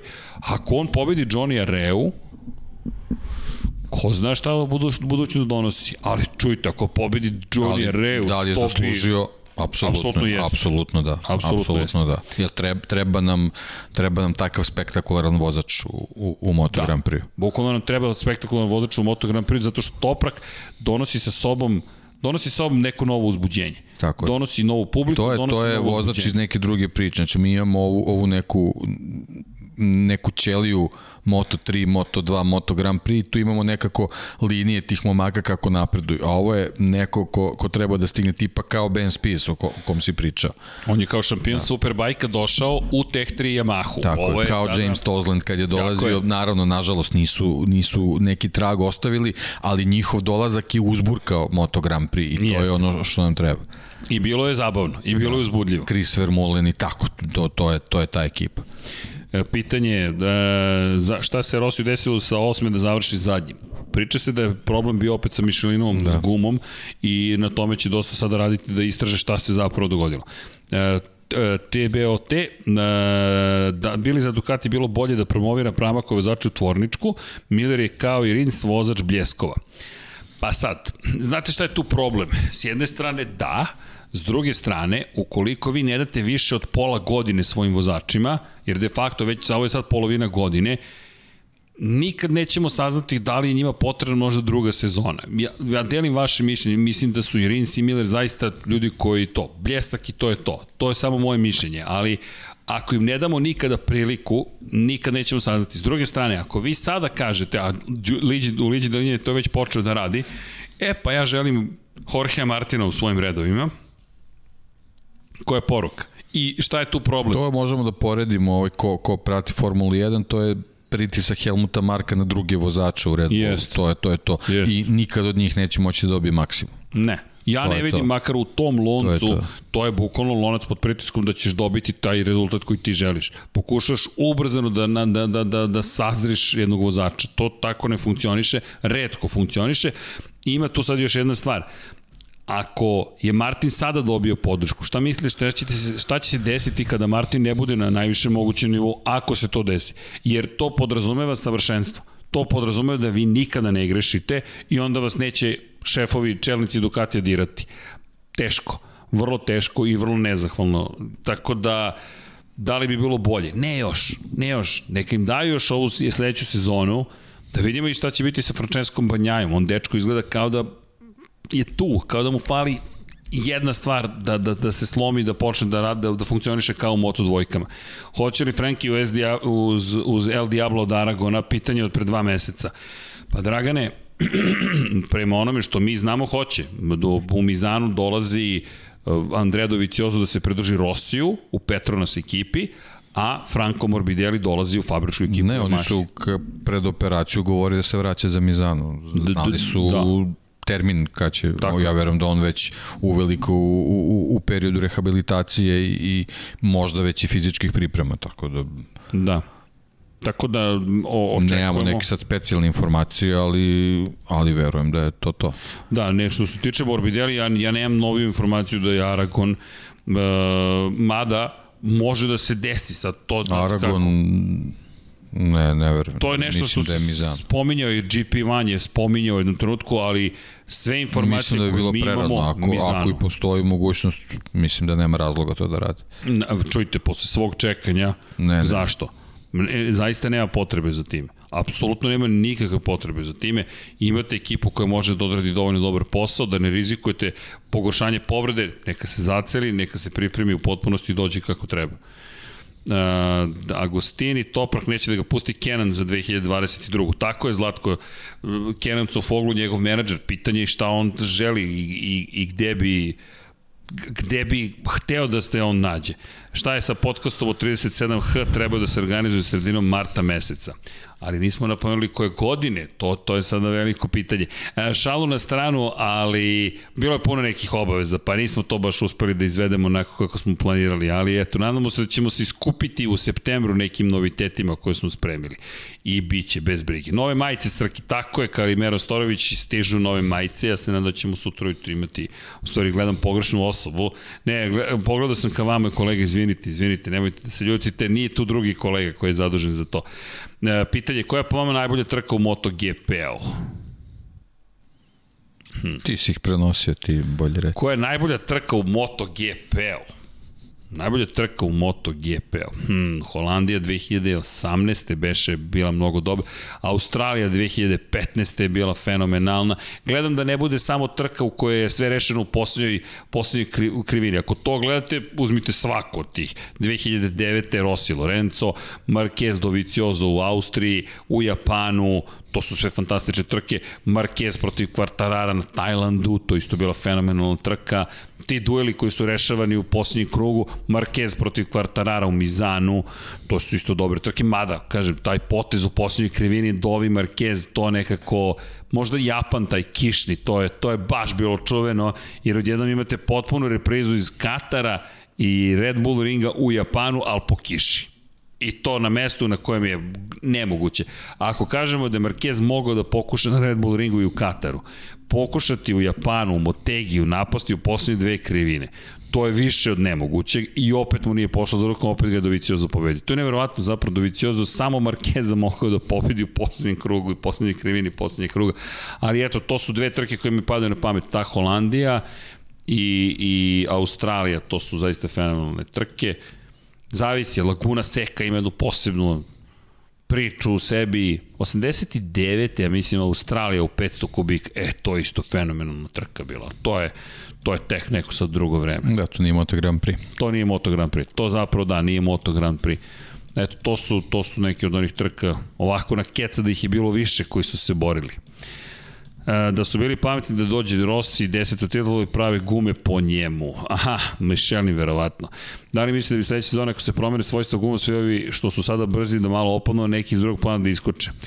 i da neke takve sitnice utiču na šampionat. Marko Hektor. Pa hvala Marko na pitanju, ali to zaista utiče na šampionat. Evo, prošle godine Dukatijevci su jedva se snalazili sa, sa tim novim pneumaticima i može da se okrene situacija. Imate prosto situacije gde zaista Na primjer, imali smo moment u kojem su Honda Ducati 2019. bili toliko ispred ostalih da kada su stigle nove gume, su one odgovarale pre svega Yamaha i Suzuki i potpuno su promenile odnos snaga. Potpuno su promenili odnos snaga.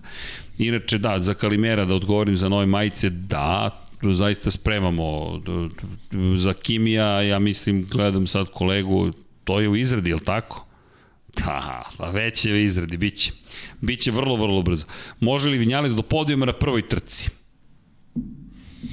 Može. Može.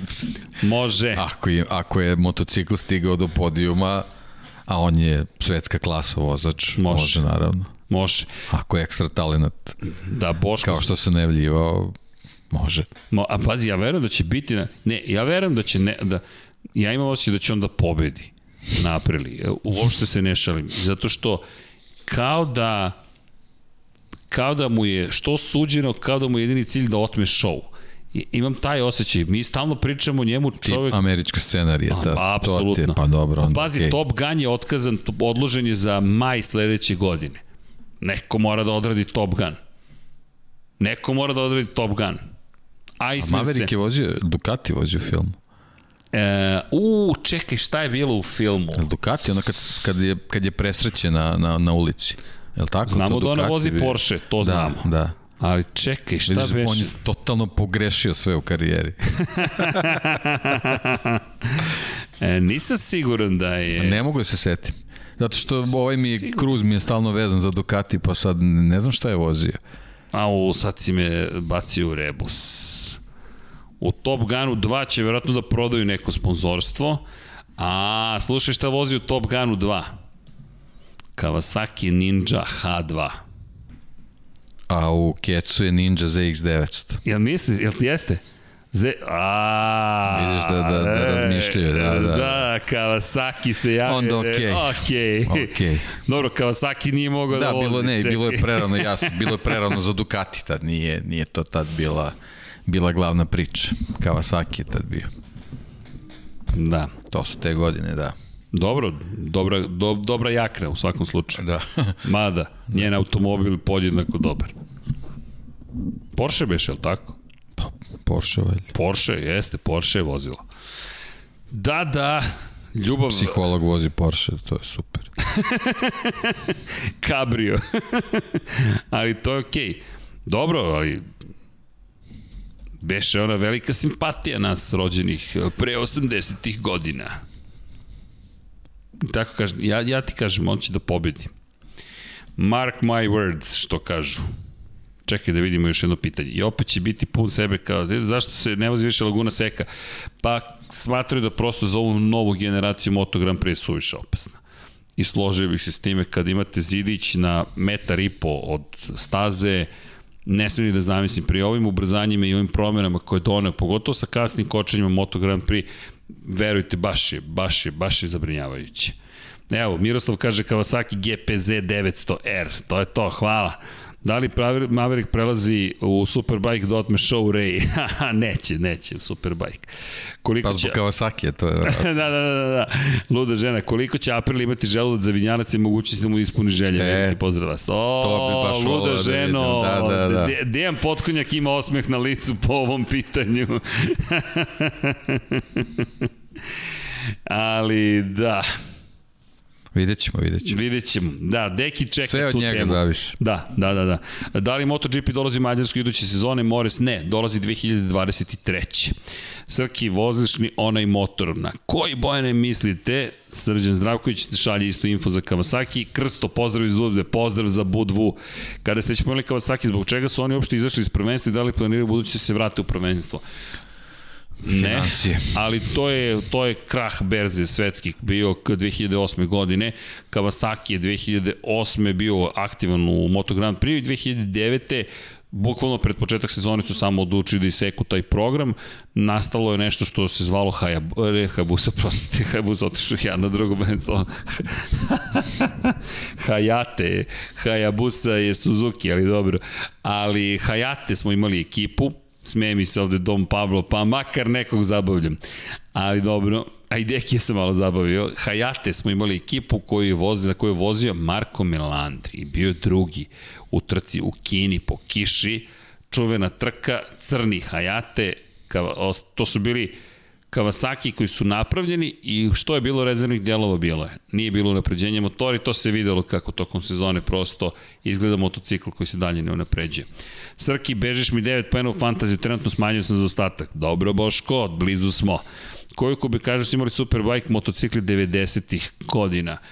E, pa to je sad pitanje, tu je bilo promjena, da li su bili e, četvorocilindrični ili dvocilindrični, od toga je zavisilo ako bi kaže, jer u jednom momentu smo došli do toga da četvorocilindrični nisu mogli da pariraju dvocilindrašima, pa je promenjen pravilnik da oni koji imaju četiri cilindra imaju pravo na veću zapreminu zapravo motora, pa je onda to uticalo i na, na, na pravljanje nekih novih motocikala, tako da se to menjalo, zavisi, ne mogu tačno setiti tačno koje godine je šta važilo, ali ste imali veću, ko bi kažu, na raspolaganju za ili sam obrnuo, ne mogu sad da se setim koje, kako su ih bili postavili, ali činjenica je da ste imali različitu kubikažu. Došli smo do 1200 kubika u jednom trenutku, bili tamo krajem 90-ih, početkom novog milenijuma. Ne, ne mogu nija da se... Pa, da. 1000 kubika, da, da, ali... sad, to bi sad trebalo baš pronaći po, ono, da se pronađe bukvalno egzaktno po tabeli pa da se vidi koji su motocikli voženi, tad ne mogu da se setim, baš je bilo da. davno.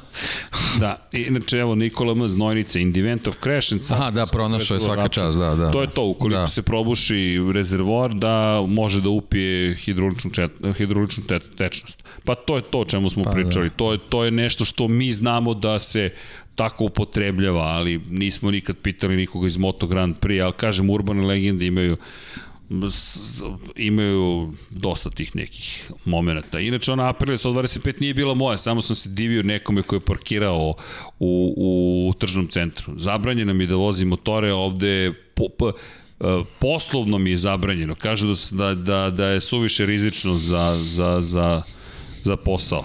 Da, evo, Srđan Zdravko 1000 kubika, dva cilindra. Pa da, da, da 754, da, moguće da to, to je, to je tad bilo u periodu, da, da. To, to je ono što se ja sećam. Sredina 80, ne, nije, nije. Kraj 80-ih, možda pa. početak 90-ih, nemam sad nije. Ljudi, ali to je neko drugo vreme, ja se stalno vraćam na VTR-ku koja je nastala kao odgovor Honda. Ducati je dominirao kao proizvođač dvocilindraša i Ducati uvijek pravio dvocilindrične motore. Sad su prešli na četvrocilindrične, to je sad više krug. Moj iz MotoGP-a ulazi u Superbike. Ali su uvijek bili ponosni na te svoje prosto super mega moćne, ogromne motore od dva cilindra. Honda je stalno pravila četvorocilindrične motore. U jednom trenutku su Japanci rekli, ok, hoćete da napravimo, pošto da biste učestvovali u šampionatu sveta u Superbajku, to mora da bude serijski motocikl koji je posle modifikovan za trkanje. I Honda je uzela i napravila svoj superbike, dvocilindrični, to je jedan od najlepših motocikala, moje mišljenje samo, ta VTR koja je fenomenalna i Colin Edwards je na njoj osvajao titule i Japanci kada su osvojili titule su prestali da proizvode. Rekli su, ok, jel smo vam pokazali da možemo, sad se vraćamo svojim korenima. I tako. Da, Zlatko, Maverick je odvezao 180 krugu Mizanu napred i spremio ga za Aragon na trci ovu godinu. Da, da, Zlatko, za 10 dana već vozi. I pitanje ko će biti uspešniji aprilni vozač? Aleš ili Maverick? Pa po reputaciji po reputaciji. Tako bi trebalo, ali to, ja mislim da će to biti, ne mora da znači. Ja iskreno mislim da će biti Maverick. Najiskrenije mislim da će ovo biti taj njegov period. Period dve, dve trke Mavericka Vinjalesa, možda tri, to je to. Da li Rossi može do 200. pobedničkog postolja u Mizanu? Pa ne, ne. Volao bih da vam kažem da može, ali mislim da mu treba baš mnogo sreće. Da, treba baš onako splet okolnosti, da. Da, ja, ja iskreno to ne vidim.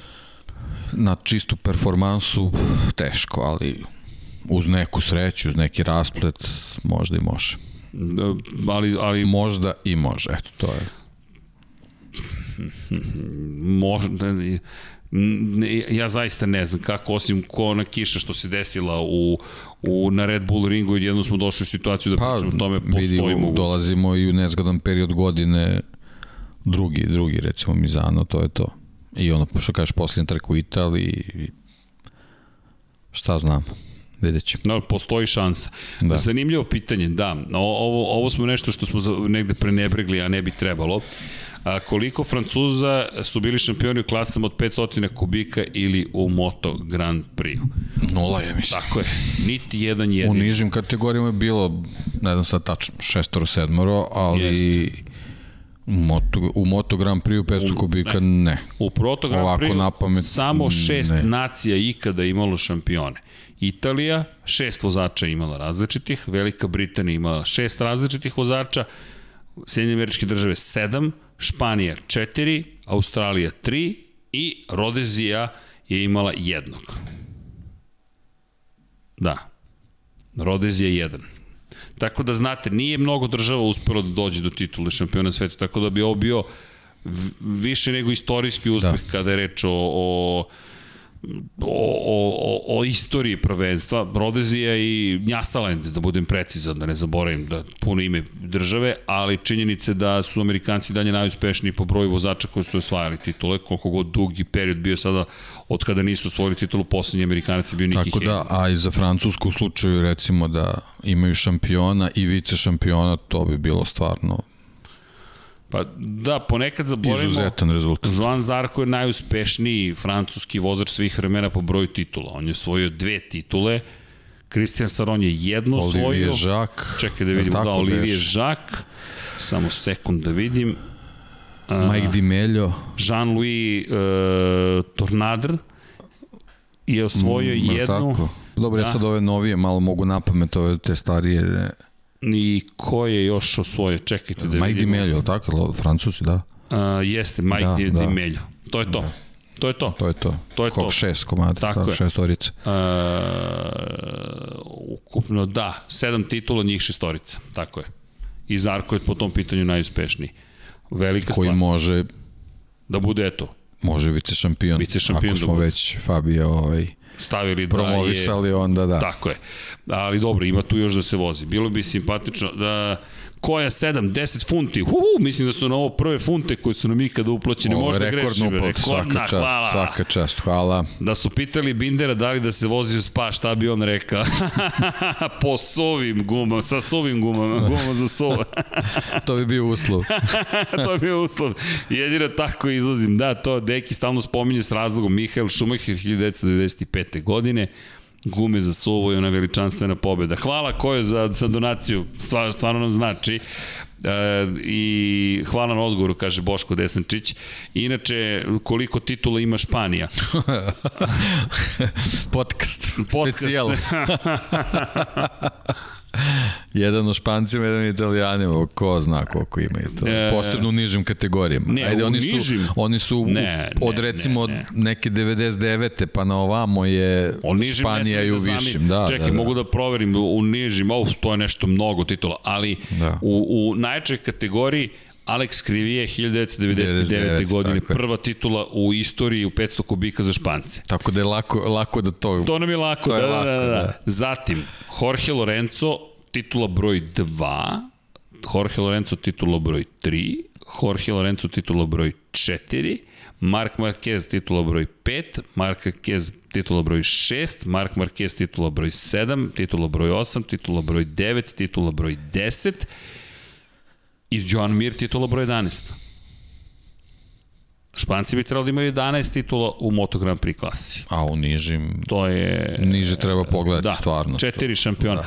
Ali čekaj da vidimo, sad čekaj, sad ćemo da Svi saznamo. šefovi timova Španci u Moto Grand Prix su bili su šampioni titule, da. u nižim kategorijama. Čekaj da vidimo. Tako da. Evo ga, Italija ukupno 80 titula. 80 titula šampiona sveta, Italija 20 u MotoGP-u, 8 u 350, 25 u Moto2 250, 24 u Moto3 125, 2 u 80 50 i jednu u Moto-E. Ne zaboravimo Moto-E, kad pazi, pazi ti tu bitku Španaca i Italijana. Druga je Španija sa 55 titula, 11 u Moto Grand Prix, baci deki. I još dobro, mnogo pasulja moraju da jedu. Tako je, tako je. Da, da. Bez titulu 350, 11 u Moto 2 250, 20 u Moto 3 125, da. 12 u Moto 80 cc, a tih 12, 12 je Angel Nieto. Otprilike 12 plus 1 i Moto je jedna titula za Špance. Ok, da ne zaboravimo. Pa Velika Britanija sa 45 titula, to su počeci. Počeci, počeci, da, da. počeci, pa onda Nemačka sa 18. Wow, Nemačka sa 18. Dirk Audi iz kompanija, verovatno. Amerikanci 17, ali Amerikanci 15 titula u najjačoj kategoriji. Ne, ne, to je bila njihova klasa. Australija 8. Duan, Stoner, i Wayne Gardner. Zašto je Wayne Gardner toliko bitan? Rodezija 8 titula, jedna u Moto Grand Prix, pet u 350, dve u 250 Moto 2. Mađarska ima jedna, Gabor Talmači, to je ona čuvena, Austrija, pa Finska, Švedska, Švedska ima dve, pa San Marino i tako dalje i tako dalje. Dobro pitanje bi kako je tvorilo celu priču o tome ko je šta, koliko, gde, kada učinio. Dobro, čekaj da vidim da li ima još neko zanimljivo pitanje i da se polako javljamo 0001 čas je. Evo ovde te samo prozivaju za kraj. Dragan kaže, nećete nikad odgovoriti na pitanje šta će biti sa Markom Markezom. Mhm. -hmm. A, Videli su ga na podijumima posle letnje pauze, pa, pa ste se pa ste se ušutili. Pa, pa, Dragane, pa evo sad smo pričali o tome. Možemo da vraćamo podcasta unazad. da. šta smo pričali o Markezu, da. Pa znate šta, gde ga, šta, gde ga sad vidimo? Šta će biti sa MM? Pa, ja mislim da će biti na pobedničkom postolju sad u Aragonu. Najiskrenije mislim da će biti na pobedničkom postolju u Aragonu. Mislim da će ovo biti staza još jedno od onih koja odgovara. Ako odemo u Ameriku, još jedno pobedničko postolje u budućnosti, pa mislim da smo negde već to naznačili. Možda nismo toliko, mada mislim da smo bili dosta direktni. On će postati predator, lovac u suštini koji pokušava ove nove vanzemaljce da stigne, mislim da više nikad neće imati eru dominacije kako imao. Mislim da je to vreme prošlo. Nažalost, povreda je dovela do toga. Žao mi je kada povrede na taj način utiču na ljude, ali koliko god da se on sada trudi, koliko god da siguran sam da će u jednom trenutku on ponovo doći do nekih fascinantnih rezultata. Ali, znate kako, to što se njemu desilo je zaista strašna povreda. On je i sad priznao u tom intervju u Guardianu da on trenutno ruku ne koristi uopšte kao što je nekada koristio. I rekao je da mnogo više opterećuje desnu nogu i da mu je zato potrebno sada da prebaci zapravo upravljač zadnje kočnice na levu stranu, na levi upravljač. Njemu leva strana izgleda, što kaže Simon Crafar, to izgleda ljudi kao svemirski brod. Vi imate kvačilo prilikom pokretanja motora, zatim imate tu takozvanu skuter kočnicu ili stunt bike kočnicu gde vi kočite zadnji, zadnji, zadnju kočnicu koju kontrolišete na, na levoj ruci. Imate pritom i nožnu kočnicu na desnoj strani, standardno zadnja kočnica. Pored toga imate upravljač, zapravo spuštanje zadnjeg kraja na tom istom sistemu, menjate mapiranje motora palcem e, leve ruke, I šta beše još kontrolišu, ima još nešto što kontrolišu takođe tokom trke levom rukom. I on sve to prebacuje na levu ruku, pri čemu desnu ne može da koristi kako želo, pa još više opterećuje levu u pokušaju da vrati onaj osjećaj koji je imao. E, kažem... Zahteva vreme za adaptaciju. Je. A to vreme... I drugi, možda promenu stila vožnje. Tako je. A to vreme drugi koriste da postanu sve bolji, da postanu svetski šampioni, da postanu sve sigurniji, vreme ne čeka nas, prosto neće da nas čeka, a Marquez će uskoro, koliko god je mlad, imati 29, pa 30, Druga stvar, kada jednom počnete ovako da nižete padove, koliko god da ste neustrašivi, što kaže Valentino Rossi, čovjek nema strah, stvari se razne dešavaju, ali činjenica je da eto, prosto, čini mi se da će, da će, da, da prosto neće neće biti toliko više brzo. Nažalost, voleo bih da, kad kažem nažalost, voleo bih da je zdrav. Pa šta god bilo, da ne pobedi ni jednom, to je nevažno, samo da je čovek zdrav. Prosto to je nekako najmanje kad pričamo o humanizmu. E, što, možda počinje era dominacije Fabija. Može da se desi, ko zna. E, da li smo gledali trku u Valenciji 2015. uživo i kako će biti gledati Rosije sa zadnjeg na četvrtom mestu Mores? E, Beja, komentarisali smo tu trku baš sa lica mesta. Ceo taj vikend je bio vrlo specifičan, rekao bih čudan, ali to je podcast, za to je ceo podcast možemo da napravimo tom vikendu. To je bila jedna luda vožnja, mi kasno smo dobili svu neophodnu opremu i toliko je bilo opreme da smo morali kombi. I onda smo seli iz Beograda i tutanj za Valenciju 2300 km jedna zabavna avantura nas šestorica i najjače od svega kad smo se po Monaku pogubili, pošto smo hteli da snimimo specijal u Monaku, svi se rastačali na neku stranu, svi se razbežali negde, ali u celoj toj priči zaista vrlo zanimljivo. I još dobijemo smeštaj u Airbnb, uzeli prvi smeštaj koji nam se pojavio, a terasa gleda na more, budite se ono sviće i razmišljate, a mi sad na stazu, naravno kupali smo se noću, naravno da smo išli na stazu, nevažno je sve ostalo pored staze, Ali da, čudan vikend. I, ono što je zanimljivo ispred naše komentatorske kabine, tačno je bila poslednja startna pozicija, tako da na neki način gledaš istoriju s jedne druge pozicije i utorak testovi, prvi testovi na Michelinu, to je bilo fascinantno i taj moment prosto proslave Jorge Lorenza s jedne strane, pitanje šta će se desiti sa Rossijem s druge strane i tako dalje.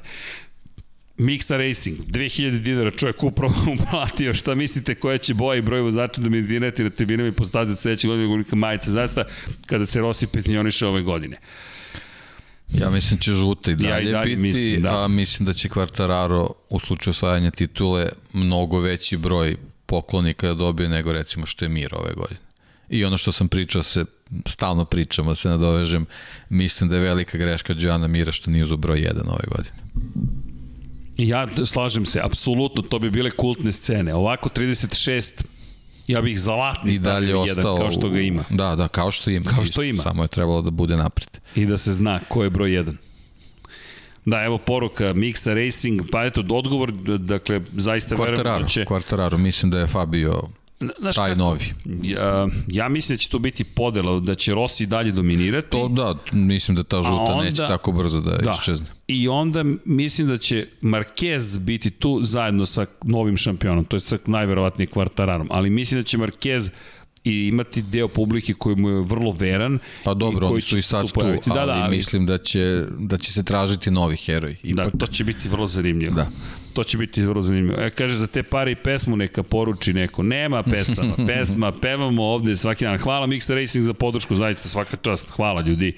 Koliko trka ste radili sa lice mesta? Ja više se ne sećam. Išli smo u Mugello, išli smo u Barcelonu dosta, išli smo u Valenciju dosta, išli smo u Brno, ne znam, Valencija dva puta, Mugello dva puta, Brno tri puta, Barcelona četiri puta, nekih deset trka, možda malo više, sad ne znam. E, koji Crni Marquez njemu zvižda u Španiji? Ne, njemu ne zvižda u Španiji. Jorge Lorenzo su zviždali u Španiji. To je vrlo zanimljivo. Jorge Lorenzo pobedi pred nama 2000 17. Ja, ne, ili 2000, ne, 2015. pobedi u Barceloni i tribine zvižde Jorge Lorenzo. Neverovatno. E, gde je igranje Sony? Šta bi sa obećanjem? O, Sony sledeće nedelje, molim vas, spremamo se za Aragon. Evo, imali smo ovih primetbe tokom, tokom prenosa. Nemojte više ljudi da uzimate Joana Mira. Nemaš čovjek se zna sastavi od vaše vožnje. Da, ali moramo da napomenemo šta je bio problem, između ostalog. E da, zapravo se ispostavilo da i ovo stvarno Pogrešan nije... Pogrešan ekran je bio. Pitanje. Da, e, e, ne, ne, ne, samo to. E, I e, upravljač je bio van sinhronizacije, to je dugme nije reagovalo, pa kad smo resetovali počelo da funkcioniše. Tako da su gremlini se pojavili. A ekran je kasnio Jest. u odnosu na, na komandu. Sony kriju kao zmije nogi. Da, da li u budućnosti idete uživo na trke? Pratite, pratite ovaj kanal. Omiljene staze nama troj, obojici, tri staze nama obojici, ok. A tiltujem već prošla ponoć. Vreme, vreme, poslednje, poslednje pitanje. Da. pitanje. Da. Omiljene, Omiljene tri staze. staze. Moto Grand Prix. Moto Grand Prix. Mm. Od aktuelnih pa Mugello, ajde. Mizano i pa meni Aragon okej. Okay. Stvarno, to je zanimljivo. Da, da. Meni Aragon onako, baš sad ovako ajde kao da, da malo nešto promešam, ali Aragon, ne sad da li mi je omiljen, ali Aragon mi je baš okej okay, od ovih sada koje sad imamo. Meni su Mugello, Ostrovo Filip i ako mogu... A dobro, Filip... Dobro, ha, misliš ne vozi se. Ja sam da gleda šta je sad u kalendaru, a, okay. da, da, da. Dobro, dobro, pa čekajte, mislio sam, bilo je planirano, dobro, izvinite. Mugello svakako, pored Muđela, koja mi je jedna od omiljenih staza, pa Jerez volim, Jerez mi je super, zato što nekako uvijek je tako interesantno. I koje bih još... A Mizano mi nije toliko, ne znam, Aragon... Meni, zbog onih prvih, prva krivina i ono... Da, dobro, nema više da. ni Brna. I to je nestalo sa, iz kalendara. Pa ne znam, Barcelona može. Barcelona može. Barcelona je zabavno.